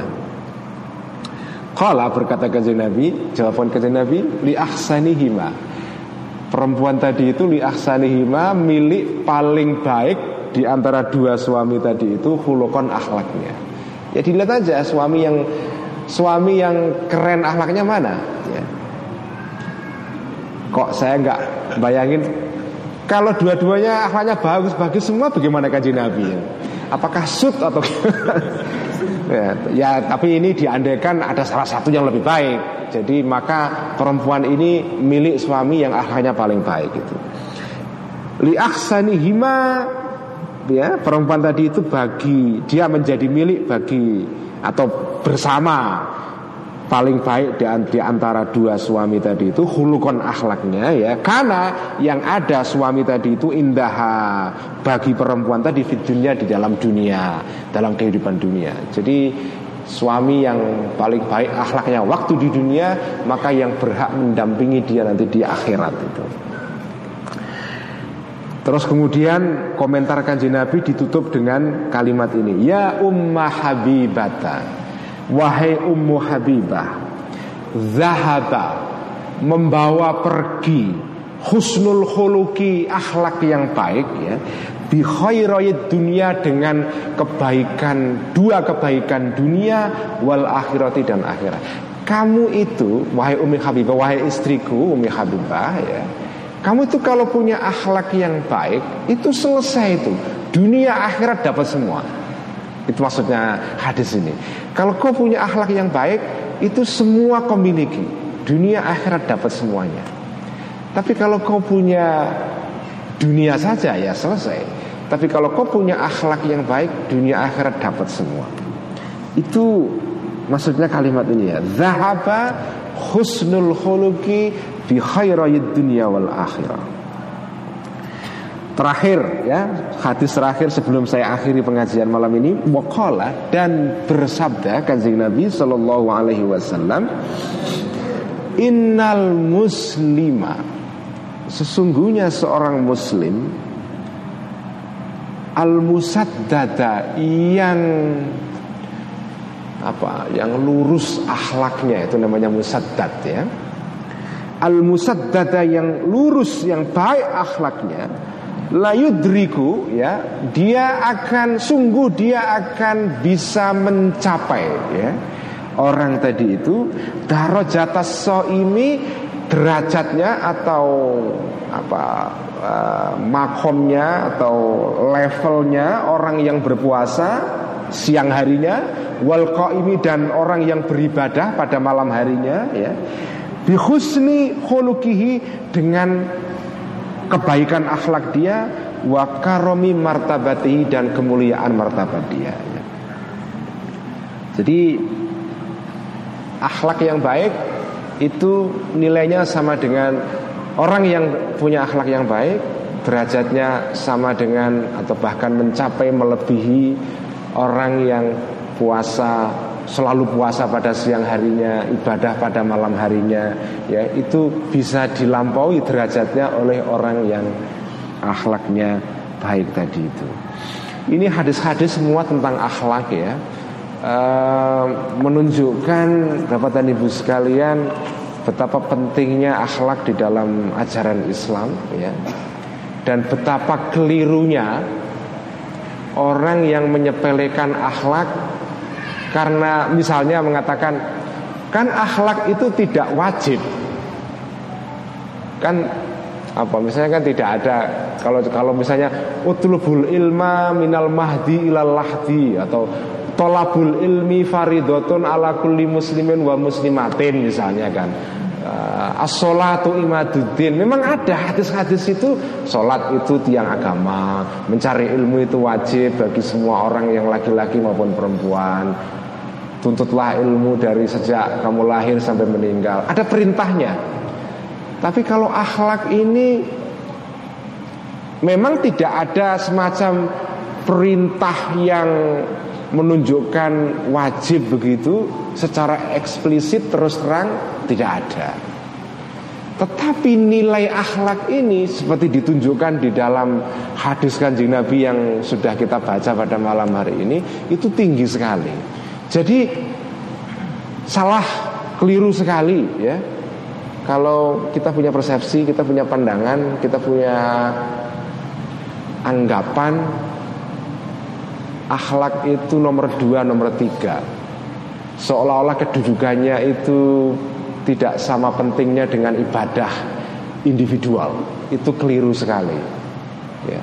Karena tadi itu Orang yang tidak punya salah satu dari tiga atau tiga-tiganya Fala ta'tadu bisya'in min amali Jangan anggap amalnya dia. Sebesar apa pun amalnya dia Tapi kalau tidak disertai dengan tiga hal tadi itu salah satunya akhlak Maka tidak ada gunanya itu semua ya. Saya kira Ngaji Ikhya pada malam hari ini cukup Sekian saja. Dan kalau tertarik meneruskan ngaji kitab Ihya setiap minggu silahkan menyimak melalui Facebook ya. Karena saya ngaji setiap minggu setiap kalau saya ngaji di Jakarta biasanya pada malam Jumat jam 8 malam ya. Modalnya satu saja punya handphone dan punya paket data. Itu ngaji era medsos sekarang ya Nah, tapi kalau saya ngaji di luar begini kadang-kadang memang seringnya pada hari Sabtu atau hari Minggu. Tapi kalau di Jakarta saya sering ngaji hari Kamis malam Jumat jam 8 sampai jam 9. Silahkan mengikuti kalau ngaji lewat Facebook itu enak ya, bisa sambil tiduran ya. Bisa sambil sama suaminya atau istrinya atau bisa macam-macam lah. Bisa nggak usah pakai baju juga nggak apa-apa ya. di kamar sendiri itu ya itulah enaknya ngaji di era medsos sekarang ini ya. Ya memang tentu ganjarannya lebih tentu lebih besar yang datang langsung ke sini begini. Ini yang di luar sana yang ngaji lewat online itu pasti semua kalah ganjarannya dengan yang datang di sini ya uh, pasti sudah pasti itu ya.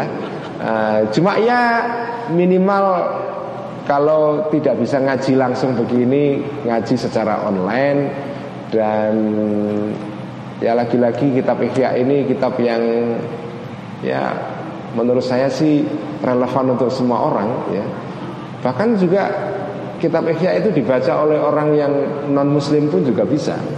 Karena kan nasihat tadi yang kita dengar semua tadi itu itu kan nasihat bukan hanya kalau dilaksanakan orang non Islam pun juga bagus kan namanya akhlak baik itu itu kan kebutuhan universal. Semua orang membutuhkan itu ya.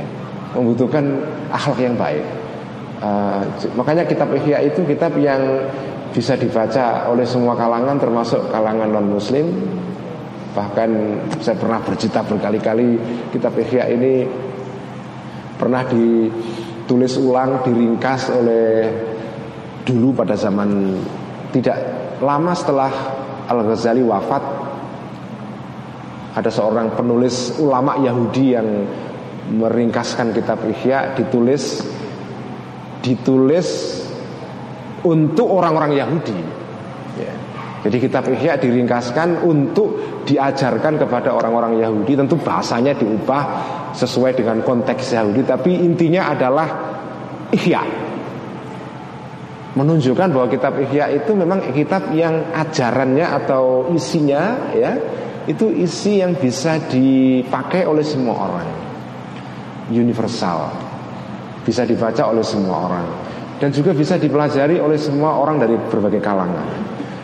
Ini yang menjelaskan kenapa kitab Ihya ini populer dari dulu sampai sekarang. Tapi yang benci juga banyak. Ada juga yang tidak suka kitab Ihya saudara-saudara ya karena wah, banyak hadisnya yang lemah gitu kan, yang palsu atau macam-macam lah. Ya. ya kalau hadisnya lemah ya, kalau lemah untuk apa yang sering disebut sebagai fadhailul a'mal ya itu boleh dipakai tetap ya. Hadis yang lemah bisa tetap dipakai kalau dia berisi mengenai anjuran-anjuran tentang hal-hal yang baik. Bukan masalah akidah. Kalau yang masalah akidah ya itu tidak boleh menggunakan hadis yang lemah. Atau masalah hukum itu nggak boleh. Tapi kalau akhlak yang baik itu masuk dalam fadhailul a'mal. Boleh saja memakai hadis yang lemah ya. Hadis yang palsu ada sebagian ulama yang mengatakan ada hadis dalam kitab Ihya yang masuk kategori maudhu tapi ada juga yang menolak bahwa tidak ada itu. Jadi ulama berselisih.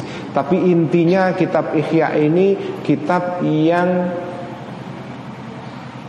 isinya dibutuhkan oleh semua orang Sampai Imam Nawawi pernah bersabda Imam Nawawi ini bukan Imam Nawawi Banten ya Imam Nawawi yang dulu Imam Nawawi yang sepuh yang mengarang kitab Majmu' itu beliau mengatakan laulal ihya lamatal ahya. Laulal ihya lamatal ahya. Kalau tidak ada kitab ihya maka orang-orang yang hidup ini semua mati. Artinya mati batinnya laulal ihya lamatal ahya. Kalau tidak ada kitab ihya ini orang-orang yang hidup ini walaupun mereka hidup tapi sesungguhnya mereka mati itu. Ya saking hormatnya Imam Nawawi terhadap kitab ihya ini saking pentingnya ya. Ada yang mengatakan seandainya seluruh buku di dunia ini kebakar semua yang tersisa hanya kitab ihya itu cukup sebagai panduan hidup sebagai orang muslim. Seandainya ya ada kebakaran global, ada um, pemanasan global, lalu semua buku kebakar, yang tersisa hanya kitab Ihya saja. Ya. Insya Allah itu cukup sebagai modal untuk hidup yang um, baik. Karena itu Kiai saya menganjurkan, meng, apa, merekomendasikan kalau bisa kita itu di rumah masing-masing itu punya kitab ihya. Kalau bisa, walaupun tidak paham. Tidak apa-apa Pak. Yang penting untuk untuk pajangan di almari kamar tamu itu loh Pak. Ya, minimal minimal pajangannya ihya daripada pajangannya nggak jelas kan. Walaupun tidak baca nggak apa-apa. Yang penting punya kitab ihya pertanda bahwa kita punya kitab yang dihormati dalam tradisi Islam. Ini kitab luar biasa ini ya. Kalau tidak mau yang kalau punya yang aslinya dalam bahasa Arab bagus. Minimal terjemahannya. Terjemahannya. Sekarang sudah banyak terjemahannya kitab ihya dijual di toko buku ya bisa dibaca sendiri. Tapi kalau mau koleksi yang aslinya ya untuk untuk minimal untuk pajangan ya. Tapi ya paling tidak dibuka-buka ya. Kalau bisa baca dibaca itu bagus sekali ya. Ini kitab luar biasa e, nilainya dan manfaatnya dan kontribusinya di dalam peradaban Islam ya. Itu luar biasa. Selain Imam Ghazali sendiri ya ini kebanggaan kita umat Islam karena itu beliau disebut sebagai hujjatul Islam ya. Dia ini adalah argumennya orang Islam. Karena Imam Ghazali ini memang kemampuannya untuk berhujjah luar biasa ya. beliau dikenal sebagai orang yang ahli debat ya.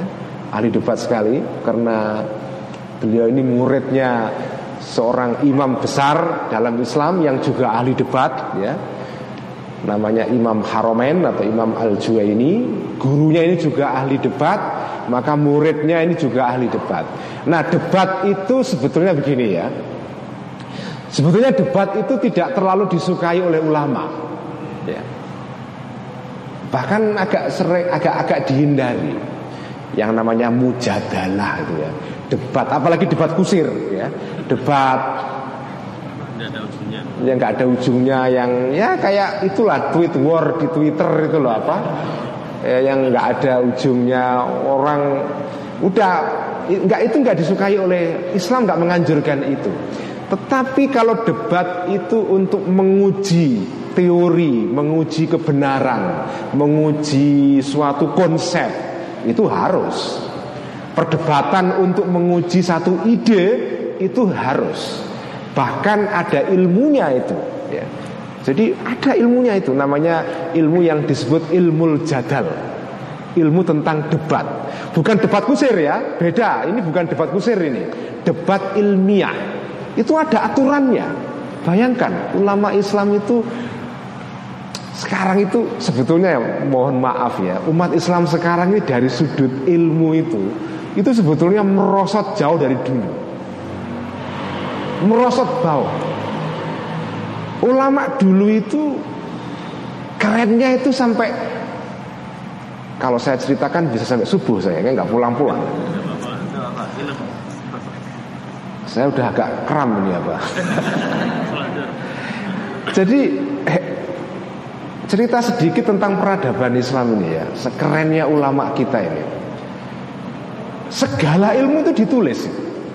Jadi ulama dulu itu selain ibadahnya Pak Luar-luar biasa Tapi ilmu itu juga dipelajari sampai detail-detail Makanya orang Islam itu harus tahu sejarahnya dulu. Supaya kita itu bangga tapi bangga yang benar. Bukan bangga karena sesuatu yang tidak tepat alasannya. Bangga karena kita dulu punya luhur ulama-ulama yang keren sekali. Salah satunya Imam Ghazali ini. Nah kerennya ulama dulu itu tadi saya ceritakan. Ilmu itu banyak sekali yang dipelajari Termasuk ilmu dalam hal debat Itu ada ilmunya sendiri dan itu ditulis. Ya Debat itu ada aturannya. Sehingga nggak terus kayak itu apa di televisi itu kan ada acara yang isinya debat yang gak karu-karuan itu kan ya yang jengkelin aja isinya malah itu. Nah karena nah di dalam Islam itu ada tradisi yang disebut dengan ilmu jadal loh ulama kita dulu itu ya saking kerennya itu sampai humor itu loh guyon itu ya ada kitabnya guyon itu ada kitabnya ulama itu jangan dikira ulama kita itu serius semua loh ya Ulama makanya kalau ulama NU itu sering guyon gitu kan. Itu bukan kalau Gus Dur itu suka guyon, itu bukan mengada-ngada. Lo itu ada ada sanat ada sanatnya guyon. Maksudnya begini, dulu ulama-ulama kita itu suka humor. Bahkan humor itu ditulis ada kitabnya. Bahkan dibagi-bagi humor itu. Ada humor untuk ahli nahwu, Wah ada itu Yang disebut dengan fukahatun muha Jadi humor tapi yang bahan-bahannya itu ilmu nahu ya. Humor pakai alfiah gitu kan Saking kerennya itu kan Humor pakai Nah ada humor Ada humor yang khusus untuk para ulama fakih Ada. Jadi ya humornya fakih-fakih semua. Jadi ya, kalau nggak menguasai fakih nggak pasti nggak ketawa. Ya. Dia ketawa kalau tahu ilmu fakih itu. Ada humor yang isinya ilmu kalam ya. Ya itulah kayak salah satu humor nahu itu kan yang kisahnya konon katanya Imam Sibaweh gitu kan. Ini imam yang mendirikan pertama kali yang menulis pertama kali ilmu nahwu. Bukan orang Arab loh. Ini aneh kan? Ini penulis ilmu bahasa, tata bahasa Arab ya, yang pertama yang terkenal namanya Imam Sibaweh itu bukan orang Arab, dia orang Persia. Yang menulis tata bahasa Arab pertama kali secara sistematis itu bukan orang Arab, tapi orang Persia namanya Imam Sibaweh. Konon ketika beliau meninggal, malaikat mungkar nakir datang itu ditanya man robuka malaikatnya ditanya balik Sik, sik. Kowe iki takok aku kowe iki sapa? Man iki terkipe apa? Eh? Iki man syartiyah, man istifhamiyah, terkipe apa? Mubtada apa khobar apa malaikat nggak pernah seumur umur nanya ditanya balik kan? Nah itu salah satu humor nahu itu. Nanti humor fikih ada sendiri. Humor tasawuf. Wah, wah humor untuk jadi humor itu dibagi-bagi. Ya. Humor itu di ada spesialisasinya. Oh, kan? sekarang, sekarang ada namanya stand up comedy gitu kan. Dulu komedinya nggak stand up, nggak berdiri, tapi ada, ada bukunya. Ada humor tentang ulama-ulama yang hidupnya jomblo. Ada itu. Ada ulama yang seumur hidup nggak kawin itu ada. Ada. Salah satunya tadi itu Imam yang saya sebutkan tadi itu ya. Fukahatul Uzzab ya. Jadi humor yang terkait dengan ulama-ulama yang hidupnya itu jomblo sampai meninggal. Ada humor yang terkait dengan orang yang medit ya. Apa itu uh, Al-Bukhala Itu ada kitab judulnya sendiri itu ada Kitab mengenai cerita orang-orang yang medit dan bakhil Jadi ulama kita dulu itu janjane itu keren banget ya Cuma yang mewarisi sekarang itu nggak keren banget. Betul-betul terjadi kemerosotan yang dasar sekali dari sudut intelektual, peradaban itu turun sekali. Ya. Makanya makanya perlu orang Islam itu ngerti sejarahnya dulu ya. Sejarah yang benar bukan sejarah yang di apa sejarah yang dimanipulasi termasuk sejarah yang dimanipulasi itu ya sejarah yang ditampilkan orang-orang yang menganjurkan itu gerakan khilafah itu ya. Itu mereka menampilkan sejarah Islam dengan cara dimanipulasi ya. nah itu kita belajar sejarah tetapi sejarah yang benar-benar sejarah. Itu luar biasa ya. Jadi orang Islam itu punya keagungan sejarah masa lampau dalam bidang pengetahuan terutama yang luar biasa. Jadi kita harus bangga sebagai orang Islam dan ini juga semangat untuk kita semua. Ya minimal kalau kita tidak bisa menjadi orang pintar ya, minimal anak kita yang pintar. Kalau anak kita nggak bisa cucu kita ya. Jadi itu harus ada karena Islam itu Islam itu agama ilmu. Udahlah Islam itu agama ilmu selain agama yang menyebarkan akhlak dan iman dan ajaran agama itu juga ajaran pengetahuan. Ke mana pun Islam pergi itu selalu yang berdiri itu ada selain masjid adalah madrasah, perpustakaan. Dulu itu begitu.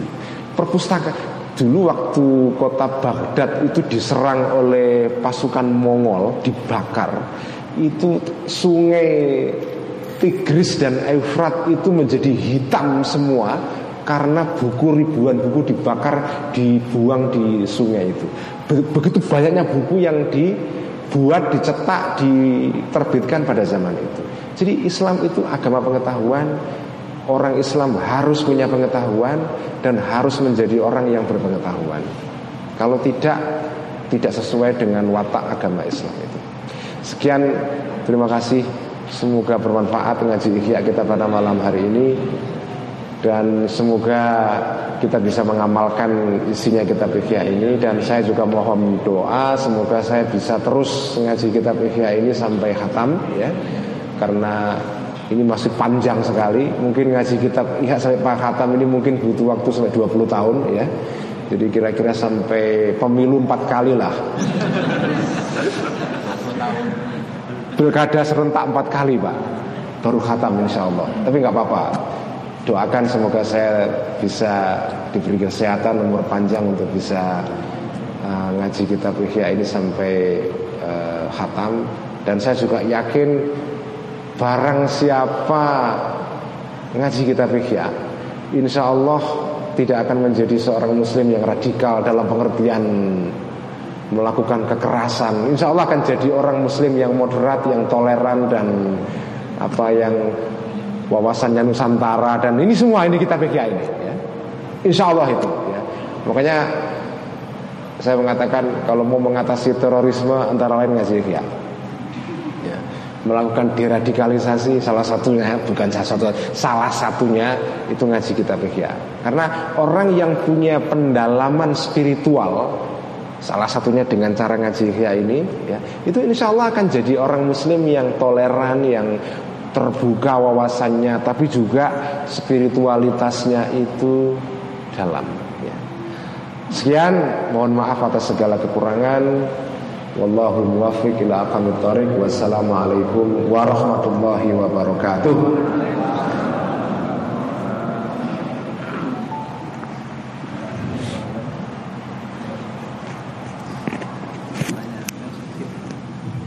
Ada tanya jawab?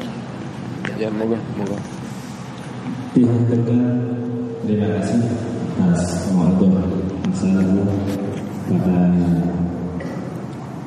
Bapak Haji Ulil Absor Abdallah untuk selanjutnya sambil menunggu kehadiran Bapak Bupati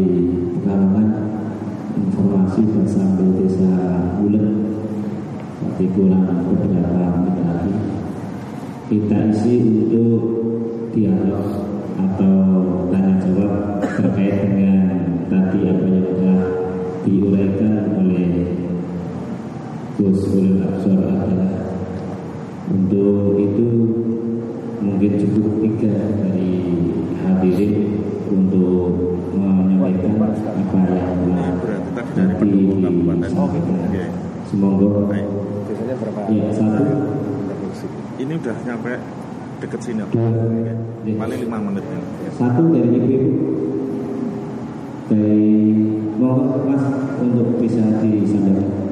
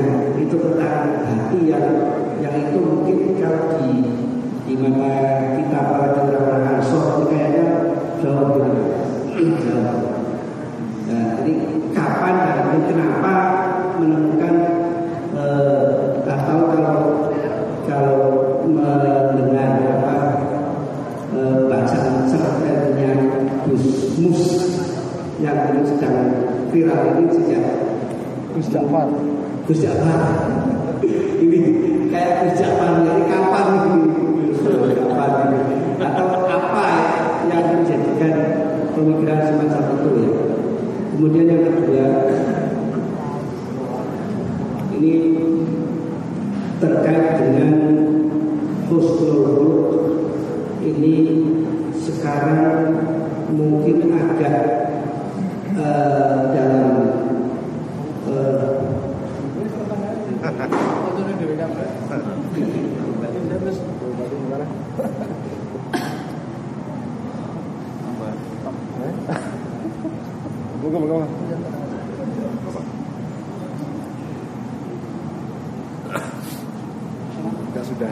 tadi ini. Iya. Saya lanjutkan. Ini terkait dengan khusus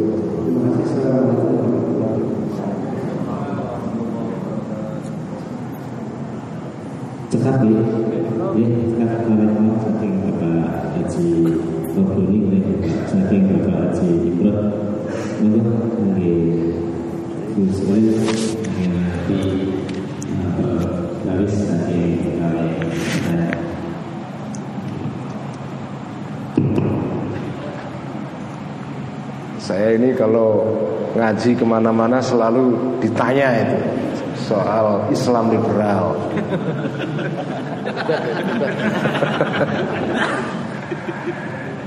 Jadi Bapak dan Ibu sekalian ada setiap hal itu ada makomnya sendiri-sendiri ya. Ada masalah-masalah tertentu yang memang perlu pendekatannya itu rasional. Tetapi ada masalah-masalah yang pendekatannya itu tidak bisa selain harus secara spiritual. Harus itu. Nah masalah hati itu itu nggak bisa didekati secara rasional, ya liberal itu nggak bisa. Masalah hati itu pendekatannya adalah spiritual. Dan spiritualitas ya dunia batin ya itu diperlukan siapa saja. Orang itu butuh pendekatan spiritual itu bukan saja orang jenis tertentu. Semua orang dari berbagai mazhab atau dari berbagai kalangan ya Mau atas, mau bawah, mau tengah, mau orang gede, mau orang besar, mau kecil Mau atasan, bawahan, rakyat, pemimpin Itu semua membutuhkan spiritualitas membutuhkan pendekatan akhlak kalau bahasa kita lah ya. Ya, tadi itu husnul huluk itu loh. Husnul huluk itu kan relevan untuk semua orang. Kan tidak berarti orang yang butuh akhlak yang baik itu hanya orang yang beragama saja.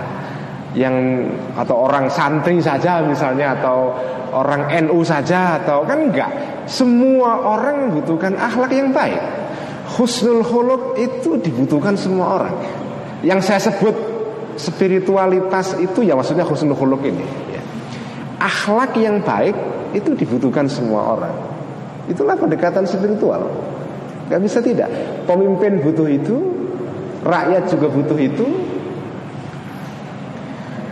Malah justru orang yang makin religius itu justru makin membutuhkan ini karena begitu makin religius dipisahkan dengan akhlak tadi seperti dikatakan kanjeng Nabi orang yang ibadahnya luar biasa tetapi tidak punya akhlak yang baik tidak punya husnul khuluq ya la khairofiha tadi itu saya sebutkan ya. Seorang perempuan yang dilaporkan kepada kanjeng Nabi yang ibadahnya luar biasa tapi tidak ada akhlak baiknya ya. Ya la khairofiha la khairofiha tidak ada kebaikan pada dirinya. Dia min ahlin nar. Itu yang yang menarik itu komentarnya kanjeng Nabi itu loh. La khairofiha dan kalau disebut Memang kisahnya di sini perempuan, tapi ini ya berlaku untuk semua orang lah, bukan hanya perempuan saja. Nanti saya dimarahi teman-teman feminis nanti saya, ya. Jadi ya semua laki-laki maupun perempuan kalau tidak ada akhlak baiknya itu la khairofiha atau la khairofihi. Tidak ada kebaikan pada mereka dan bahkan walaupun mereka punya kebaikan banyak sekali, amal-amal yang banyak, tapi kalau nggak ada akhlaknya dia bahkan bisa menjadi ahlun nar itu ya apa penduduk neraka itu jadi nah sejak kapan saya tertarik kepada bidang seperti ini sebetulnya dari dulu mas dari dulu sebetulnya cuma yang nggak ada orang tahu baru setelah saya ada medsos ini, ada Facebook, ada live streaming baru ketahuan. Tapi saya baca Ikhya sebetulnya udah lama. Saya saya saya itu pecinta Ikhya dari sejak dulu. Saya baca dari dulu karena saya pengagum Imam Ghazali. Um, sejak sejak saya ngaji di pesantren di kajian sana di Semaki Sahal ya, saya sudah mengagumi Al Ghazali karena ya buat saya ini orang tokoh satu ini memang luar biasa ya luar biasa. Kitabnya banyak dan kalau dibaca luar biasa. Jadi saya mengagumi kitab Ihya dari lama cuma membaca secara terang-terangan baru sekarang. Tapi kalau secara diam-diam dari dulu sudah sudah sudah dari lama ya. Nah, Nah tapi memang sebelum saya jawab pertanyaan berikutnya Ada masalah yang cukup meresahkan saya sebetulnya karena sekarang ini kan kita berhadapan dengan apalah ya corak-corak keberagamaan yang agak keras gitu ya, yang radikal gitu. Um, sebetulnya masalah ini itu masalah yang tidak hanya ada di Indonesia, tapi ada di mana-mana. Dan sebab-sebabnya itu banyak ya, tidak hanya satu faktor saja ya, rumit lah apa sebabnya ya. Uh, tetapi memang ini masalah yang kita hadapi saat ini Yaitu Munculnya orang-orang yang Semangat keagamaannya tinggi Tetapi tidak dibarengi dengan pengetahuan yang cukup Tentang tradisi Islam. Itu juga bahaya. Jadi semangat tinggi Tapi tenaga nggak ada. Apa? Atau tenaganya kelebihan juga. Ya. Jadi semangatnya tinggi tapi ilmunya tidak ada. Sehingga yang timbul adalah tindakan atau sikap yang dianggap itu punya nilai agama tapi sebetulnya itu berlawanan dengan semangat agama. Contohnya misalnya sekarang ini orang cepat sekali marah jika ada masalah-masalah yang berkaitan dengan masalah keagamaan tanpa mengetahui duduk soalnya dengan sesungguhnya.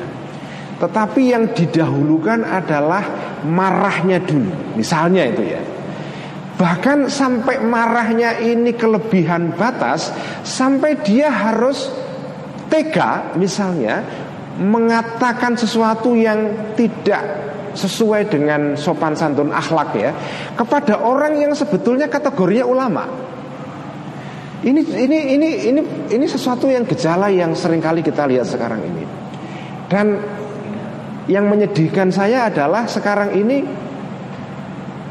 orang itu sekarang melakukan pengkaplingan ulama dalam pengertian gini ya. Orang yang dianggap ulama oleh kelompok A itu belum tentu loh dianggap ulama oleh kelompok B loh. Ben, ya bener kan?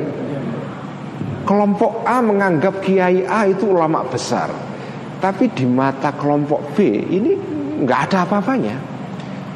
Sehingga kelompok B yang tidak menganggap ulama A ini karena ini ulama A dianggap sebagai ulamanya kelompok A dan karena tidak dianggap oleh kelompok B, maka kelompok B ini misalnya menganggap ulama A ini bukan ulama dan bisa dikata-katai seenaknya.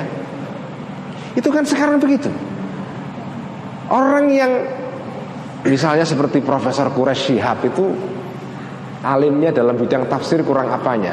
Tapi ya ada orang yang menganggap apa ini ini ya karena tadi itu saya saya sebutkan sekarang itu ulama itu sektoral ulama sektor A belum tentu ulama sektor B. Selera. Iya. Iya gitu. Nah kita nggak boleh begitu. Ya kita nggak boleh begitu. Ulama itu walaupun misalnya ya kita kita tidak misalnya menganggap ulama tertentu itu bukan kita nggak pernah ngaji ke beliau atau tidak kita anggap sebagai panutan tapi kalau dia all ulama dianggap ulama oleh kelompok mereka atau kelompok tertentu, ya kita harus hormat juga. Kita nggak boleh memperlakukan ulama apa pun dia itu seenaknya itu. Hormat kita kepada orang yang berilmu, ya meskipun kita nggak sepakat dengan pendapatnya, ya kita nggak boleh memperlakukan itu seenaknya. Nah sekarang itu adab seperti itu tuh kan hilang itu.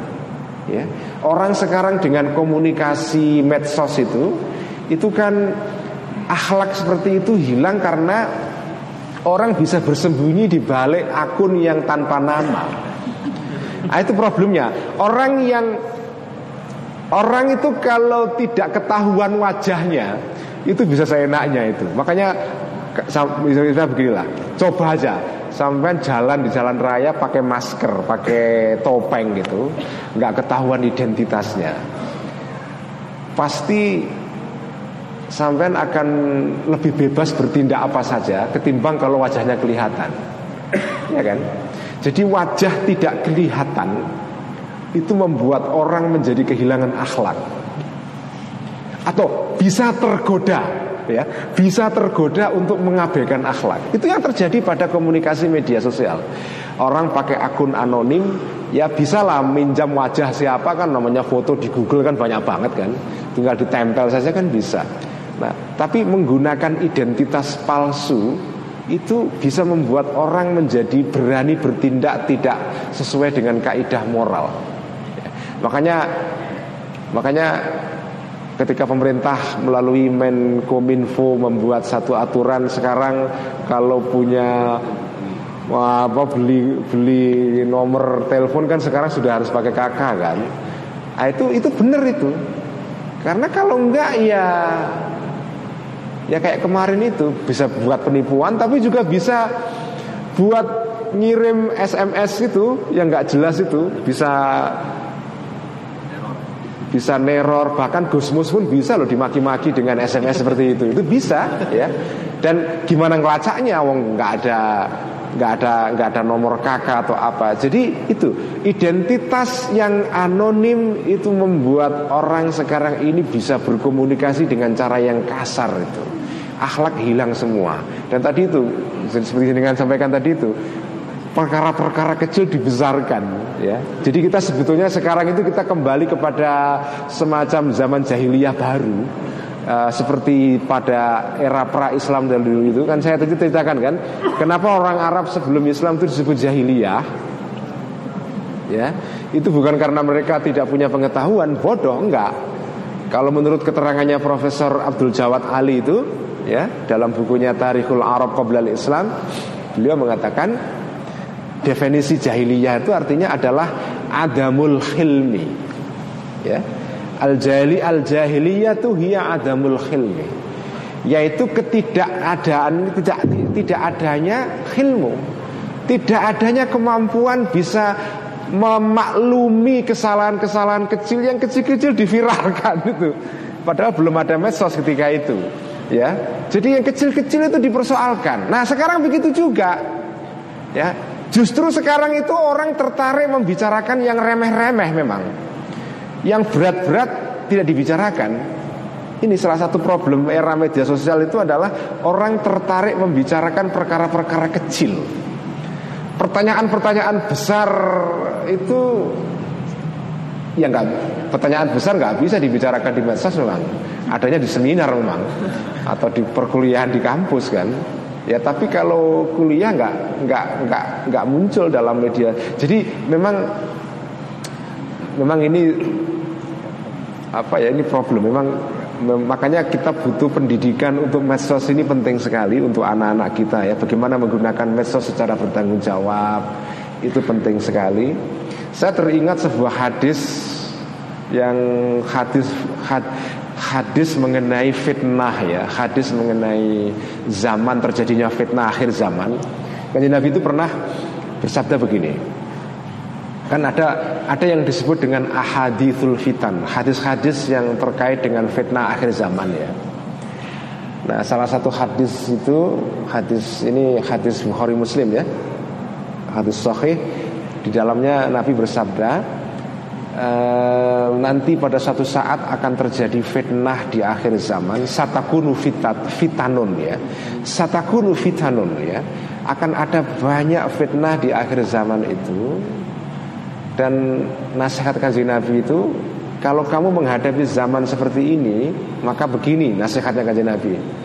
Um, apa itu? Al qaidu fiha khairun minal qaim pada zaman seperti itu, zaman fitnah yang kacau, yang terjadi kekacauan macam-macam, itu orang yang duduk saja lebih baik daripada orang yang berdiri. Orang yang berdiri kata katanya wal qaimu khairun minal masyi. Orang yang berdiri saja tengok-tengok nggak bergerak lebih baik daripada bergerak, berdiri dan bergerak jalan minal masyi diteruskan oleh kanjeng Nabi wal masyi khairun minas sa'i orang yang jalan normal saja alon-alon lebih baik daripada orang yang jalan dengan bergegas. Asai berarti orang sa'i itu loh jalan cepat. Wasai kata kanjeng Nabi khairun minar rokin Orang yang jalan dengan bergegas tadi itu Lebih baik daripada orang yang naik kuda lari cepat. Intinya apa? Kira-kira kalau mau disimpulkan hadis ini maknanya adalah Ketika terjadi fitnah Kamu itu lebih baik jangan ikut-ikutan. Kira-kira gitu. Kalau terjadi sengkarut berita yang macam-macam ada yang mengatakan begini begini begini. Kalau sekarang kan orang berlomba-lomba men-share paling duluan berita yang paling unik. Pokoknya kalau ada berita paling aneh dan kita nge-share pertama itu bangga sekali ah dapat poin saya ya kan dapat dapat like ini kan apa dapat jempol dapat jempol dapat senyuman gitu kan, dapat tanda cinta gitu kan. Itu. Jadi orang sekarang berburu jempol ini loh, ya. Paling banyak. Pokoknya kalau dia men-share berita yang paling unik pertama kali walaupun isinya bohong, itu dia bangga karena wah, siapa yang mengirim pertama berita tadi itu? Wah, si ini. Wah, bangga dia. Disebut begitu itu bangga. Itu berlawanan dengan nasihat kajian Nabi. Kalau terjadi sengkarut seperti itu, kamu justru harus tahan diri. Tadi itu yang duduk saja lebih baik daripada yang berdiri, yang berdiri tok lebih baik daripada yang jalan kaki, yang jalan kaki tok lebih baik daripada yang jalan kaki sambil jogging, apa asai. Yang sai lebih baik daripada yang naik jaran, naik kuda atau naik motor bergegas. Intinya kira-kira kalau kanjeng Nabi Seandainya kanjeng Nabi itu ketika itu sudah ada handphone gitu Mungkin beliau sabdanya ya kira-kira Orang pada zaman fitnah nanti Orang yang punya Yang tidak punya HP lebih baik daripada yang punya HP Yang punya HP tapi tidak langganan paket data Lebih baik daripada punya HP tapi punya data yang punya paket data tok tapi tidak punya akun Facebook lebih baik daripada yang punya akun Facebook. Kira-kira gitulah, ya. Jadi orang ketika terjadi fitnah itu tahan diri. Ketika terjadi sengkarut keadaan apa berita kan kan kita berkali-kali ada situ kan? Ada ketika ada peristiwa itu kan berita simpang siur. Ada yang mengatakan begini ada yang mengatakan ya kayak sekarang inilah. Orang kan wah menurut informasi A1 ini semua orang mengatakan A1 Padahal ya A berapa nggak jelas juga kan? Jadi semua orang mengatakan untuk menunjukkan bahwa valid ceritanya A1 Info valid. Semua info valid ya jadi begitu. Nasihat kanjeng Nabi ketika terjadi fitnah Itu kita harus tahan diri Kecuali kalau kita punya informasi yang cukup ya. Jangan ikut-ikutan. Ya. Uh, apa itu? Kata kajian Nabi malah orang yang ikut-ikutan dalam fitnah seperti itu akan kemakan dia ya. Um, saya lupa ujung hadisnya itu. Pokoknya intinya maknanya adalah orang yang apa berdekat-dekat dengan fitnah seperti itu tas tashrifu apa orang yang nyedak-nyedak mau ikut-ikutan seolah-olah mau nyebur dalam fitnah begitu dia akan kebakar itu makanya tarik diri. Kalau kamu tidak punya informasi yang clear, jangan ikut-ikutan. Jangan ikut men-share, jangan ikut membagi informasi yang belum jelas duduk soalnya. Berhenti dulu. Pikirkan dulu ya. Kalau sudah dikonfirmasi kiri kanan, tapi ya begini ini nggak populer. Kalau begitu nanti nggak dapat follower kita. Nah, itu uh, godaan ini zaman memang ya begini Ketika saya mengatakan begini bukan berarti zaman ini terus medsos itu ya ada segi positifnya. Lah saya ngaji begini kalau nggak ada medsos kan nggak bisa juga. Iya.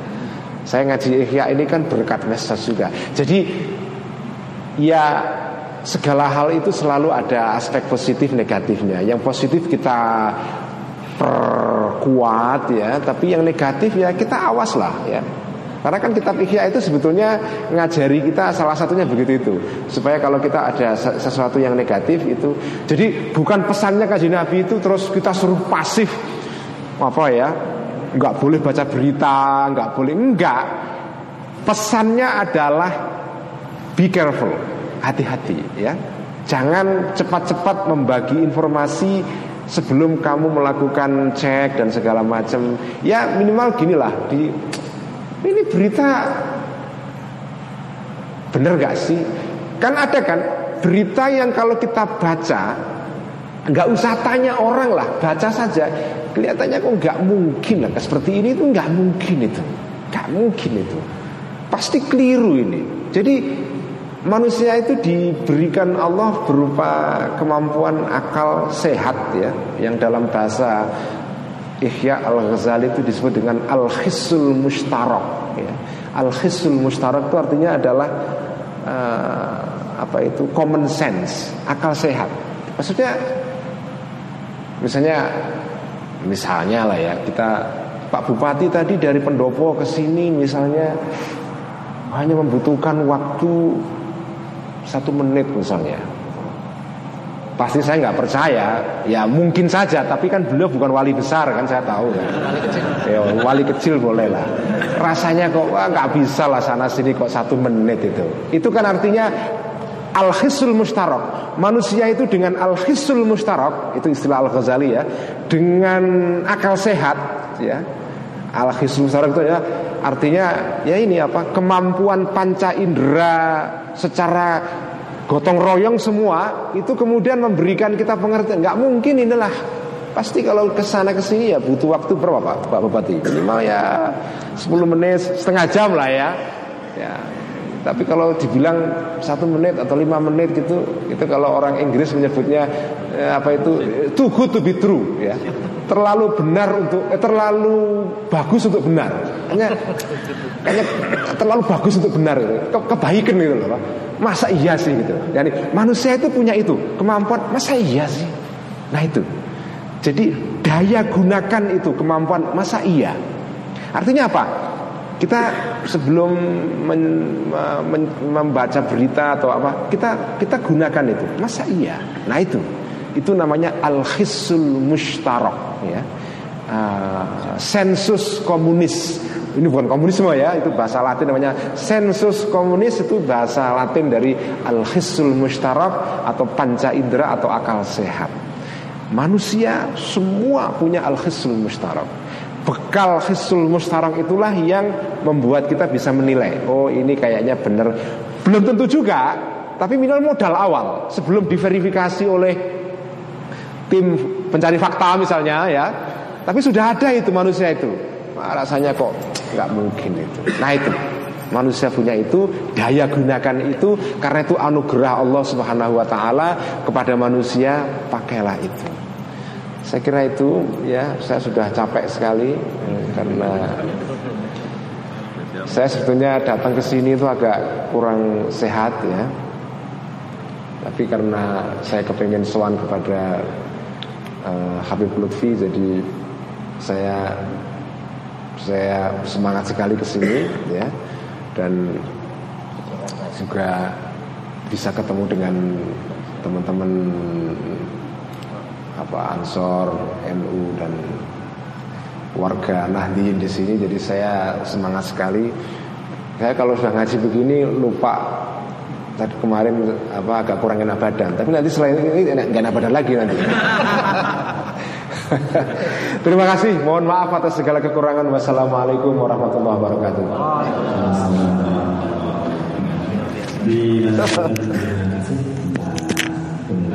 Tadi malam saya ada acara apa? Pengajian. Hadirin dari dua semoga bisa terpuaskan maupun belum bisa mendengar mengikuti juga kok. Dengan poso ini nih. Poso malah ini. Kalau poso tiap hari, hari berikutnya sambutan sekaligus Enggak doa aja saya. Bupati kan Sentomo.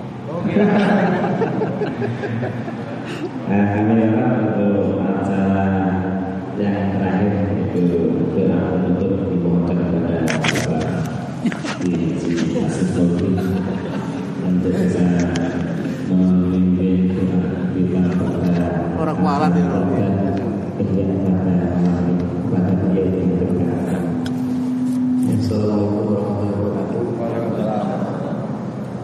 Jadi alhamdulillah sangat ya ini kerawuan Guru pulau dan pulau Bukan menjadi dari Oleh langsung Ini pulau kan ramus dan ya Tahun itu di Orang pulau Orang pulau Jadi saya belum jadi orang Terus sudah jadi manusia Karena dari kan Zaman Gus Dur Usaha Kita dikatakan kalau itu dikatakan kan dari bupati kira-kira. Terus ini lagi dikatakan supaya menjadi ilmuwan tapi yo jauh menurut tingkat desa bukan. Jadi beliau itu di Amerika sudah sangat terkenal. Saya kemarin ke Amerika Gus. Banyak sekali yang menanyakan beliau. Memang kenal enggak sama Gus ilmuwan saya kata. Menurut saya lah. Beliau salah satu ilmuwan Muslim Indonesia cendekiawan Muslim Indonesia yang dikenal di Amerika bahkan di Eropa. Dakwahnya beliau itu sebenarnya levelnya level dunia. Nanti kalau jadi kampung lah tapi tidak saya sangat terus sangat oleh beliau saya sangat semangat. Insya Allah nanti kita order ya lain waktu jadi kita minta waktu beliau kita nanti ketemu lagi di Pendopo. Sebenarnya orang kalian sudah mau di Pendopo ya hanya waktu ini mepet sudah dirancang oleh eh, kawan kita beliau nanti saya minta Pak Sasmi Pak Ansor Bisil akan saya undang seluruh orang-orang pintar kalau beliau ini yang ngaji juga harus pintar kalau dengan istilah Ibu saya tahu mengenai sekarang beliau dan perdalam kita yang mungkin Kulo niki niki saya ngaji ya, ya tapi beda. Kulo ngaji kali ngurus kulo ya kalau Itu kita ini dibaca dengan konten paling besar adalah ilmu tasawufnya. Jadi orang kalau ngomong itu orang mau merasa bang semua soal angel lah kira-kira. Tapi kalau kita mendengarkan apa yang disampaikan Gus Dur tentang kita bisa melihat cakrawala lebih besar lagi dengan perspektifnya Imam Ghazali yang sangat kasar itu. Jadi ini beda. Gitu.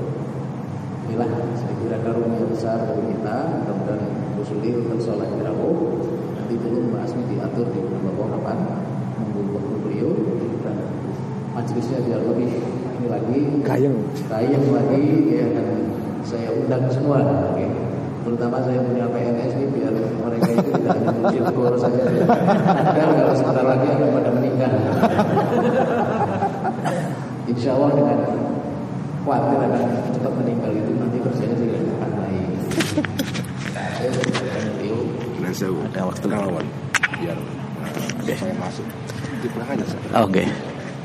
Jadi nanti akan kita undang lagi beliau di Mendopo. Saya serahkan ke Ansor cabang. Segala sesuatu nanti tanggung jawab saya. Sekali lagi sungguh sangat beruntung. Kulo niki acara kata, oke. Karena tanggung buatan kepanggih beliau kepanggih segede-segede di forum-forum kecil-kecil biasanya gitu. hanya sekintas-kintas. Saya kenal sama keponakan beliau Alai Najib. gitu. Iya Sekarang di Belanda namanya. Sudah selesai. Sekarang sudah selesai Sudah selesai. Ini Dosen di UIN lah Gus Ulil niku riyen niku asring wonten Kranji. Nggih, Hall Kiai Manuranom beliau diajak kali ramanipun hadir wonten Kranji sekali dua kali. Karena Kranji dengan Kajen. Sanes Kajen. Ken kula sanes Kajen Pati itu ada hubungan. Kebetulan anak saya juga mondok di Kajen nggih. Dados tepang sangat kula kali. Beliau walaupun jauh. Walaupun beliau kemarin sempat ribut-ribut ya nek kula ta ora peduli nggih. Ketika beliau diserang menjadi tokoh Islam liberal itu kula ta guyu karena saya paham suatu saat dia akan menjadi orang hebat nggih dan sekarang sudah nampak. Layak ribul wali ilal wali lah kira-kira gitu ya. Jadi ketika orang ribut tentang beliau kula niku tenang mawon insya Allah nanti akan jadi orang hebat. Nah, saya juga ternyata hebat juga. Jadi bupati sih. Jadi itulah. Saya meyakini ini berkat didikannya uh, guru kita semua Kiai Haji Abdurrahman Wahid. Dia dididik, saya dididik dengan cara masing-masing, dengan tempo yang berbeda-beda, dengan kapasitas yang berbeda-beda. Sungguh beruntung generasi-generasi kita masa lalu yang langsung mendapat didikan dari ulama-ulama besar. Akhirnya kita beruntung punya cendikiawan muslim yang bisa dibanggakan. Walaupun beliau buatan apalagi sebelum ngaji eh yang buatan itu, itu kita perspektifnya kita. Beliau bisa dibanggakan ke mana-mana, tidak hanya di dalam negeri tapi sampai ke luar negeri. Orang Amerika niku nek Gusulil sing mulan niku niku paham kabeh, Pak. Karena ngriko niku tingkat kecerdasannya tinggi semua, nggih. Niku. Jadi saya kemarin di Washington Gus di VUE banyak kenal jenengan juga. Kemudian kita ke New York juga banyak yang kenal beliau. Inilah dulu lagi merasa bangga. Alhamdulillah saudara kita, guru kita sudah menjadi orang yang sangat diperhitungkan dan sekarang orang Indonesia juga merasa bangga khususnya keluarga besar Jamiah Nahdlatul Ulama gitu. merasa bangga sekali kita punya cendikiawan muda yang betul-betul alim Mbak. Alim ini gue buatan karbitan kaya sing ten niki kan banyak sekali niku. Wow sing asli itu kiai mung di dikiaikan oleh kelompok tertentu kalau beliau mboten dari segi nasabnya, dari segi sinaune nggih ngajine saking pesantren, dari segi tolabul ilminya keluar ke mana-mana. Inilah kita mempunyai kebanggaan. Kita doakan mudah-mudahan beliau panjang umur, ya, diberi kekuatan lahir batin untuk terus menerus membimbing warga Nahdlatul Ulama, membimbing bangsa dan negara. Dan pesan saya, dan politikus ini urusan kulo mawon. Nanti kalau sudah ada kapling yang jelas baru kita indeks beliau. Inilah beberapa yang bisa saya sampaikan untuk doa saya minta kiai paling sepuh mawon kula tunggu orang mandi kan. Akhirnya maksiat kula. Wassalamualaikum warahmatullahi wabarakatuh. Waalaikumsalam warahmatullahi wabarakatuh. Oh gitu. Nanti lain ya, nanti biar anu apa yang ngatur.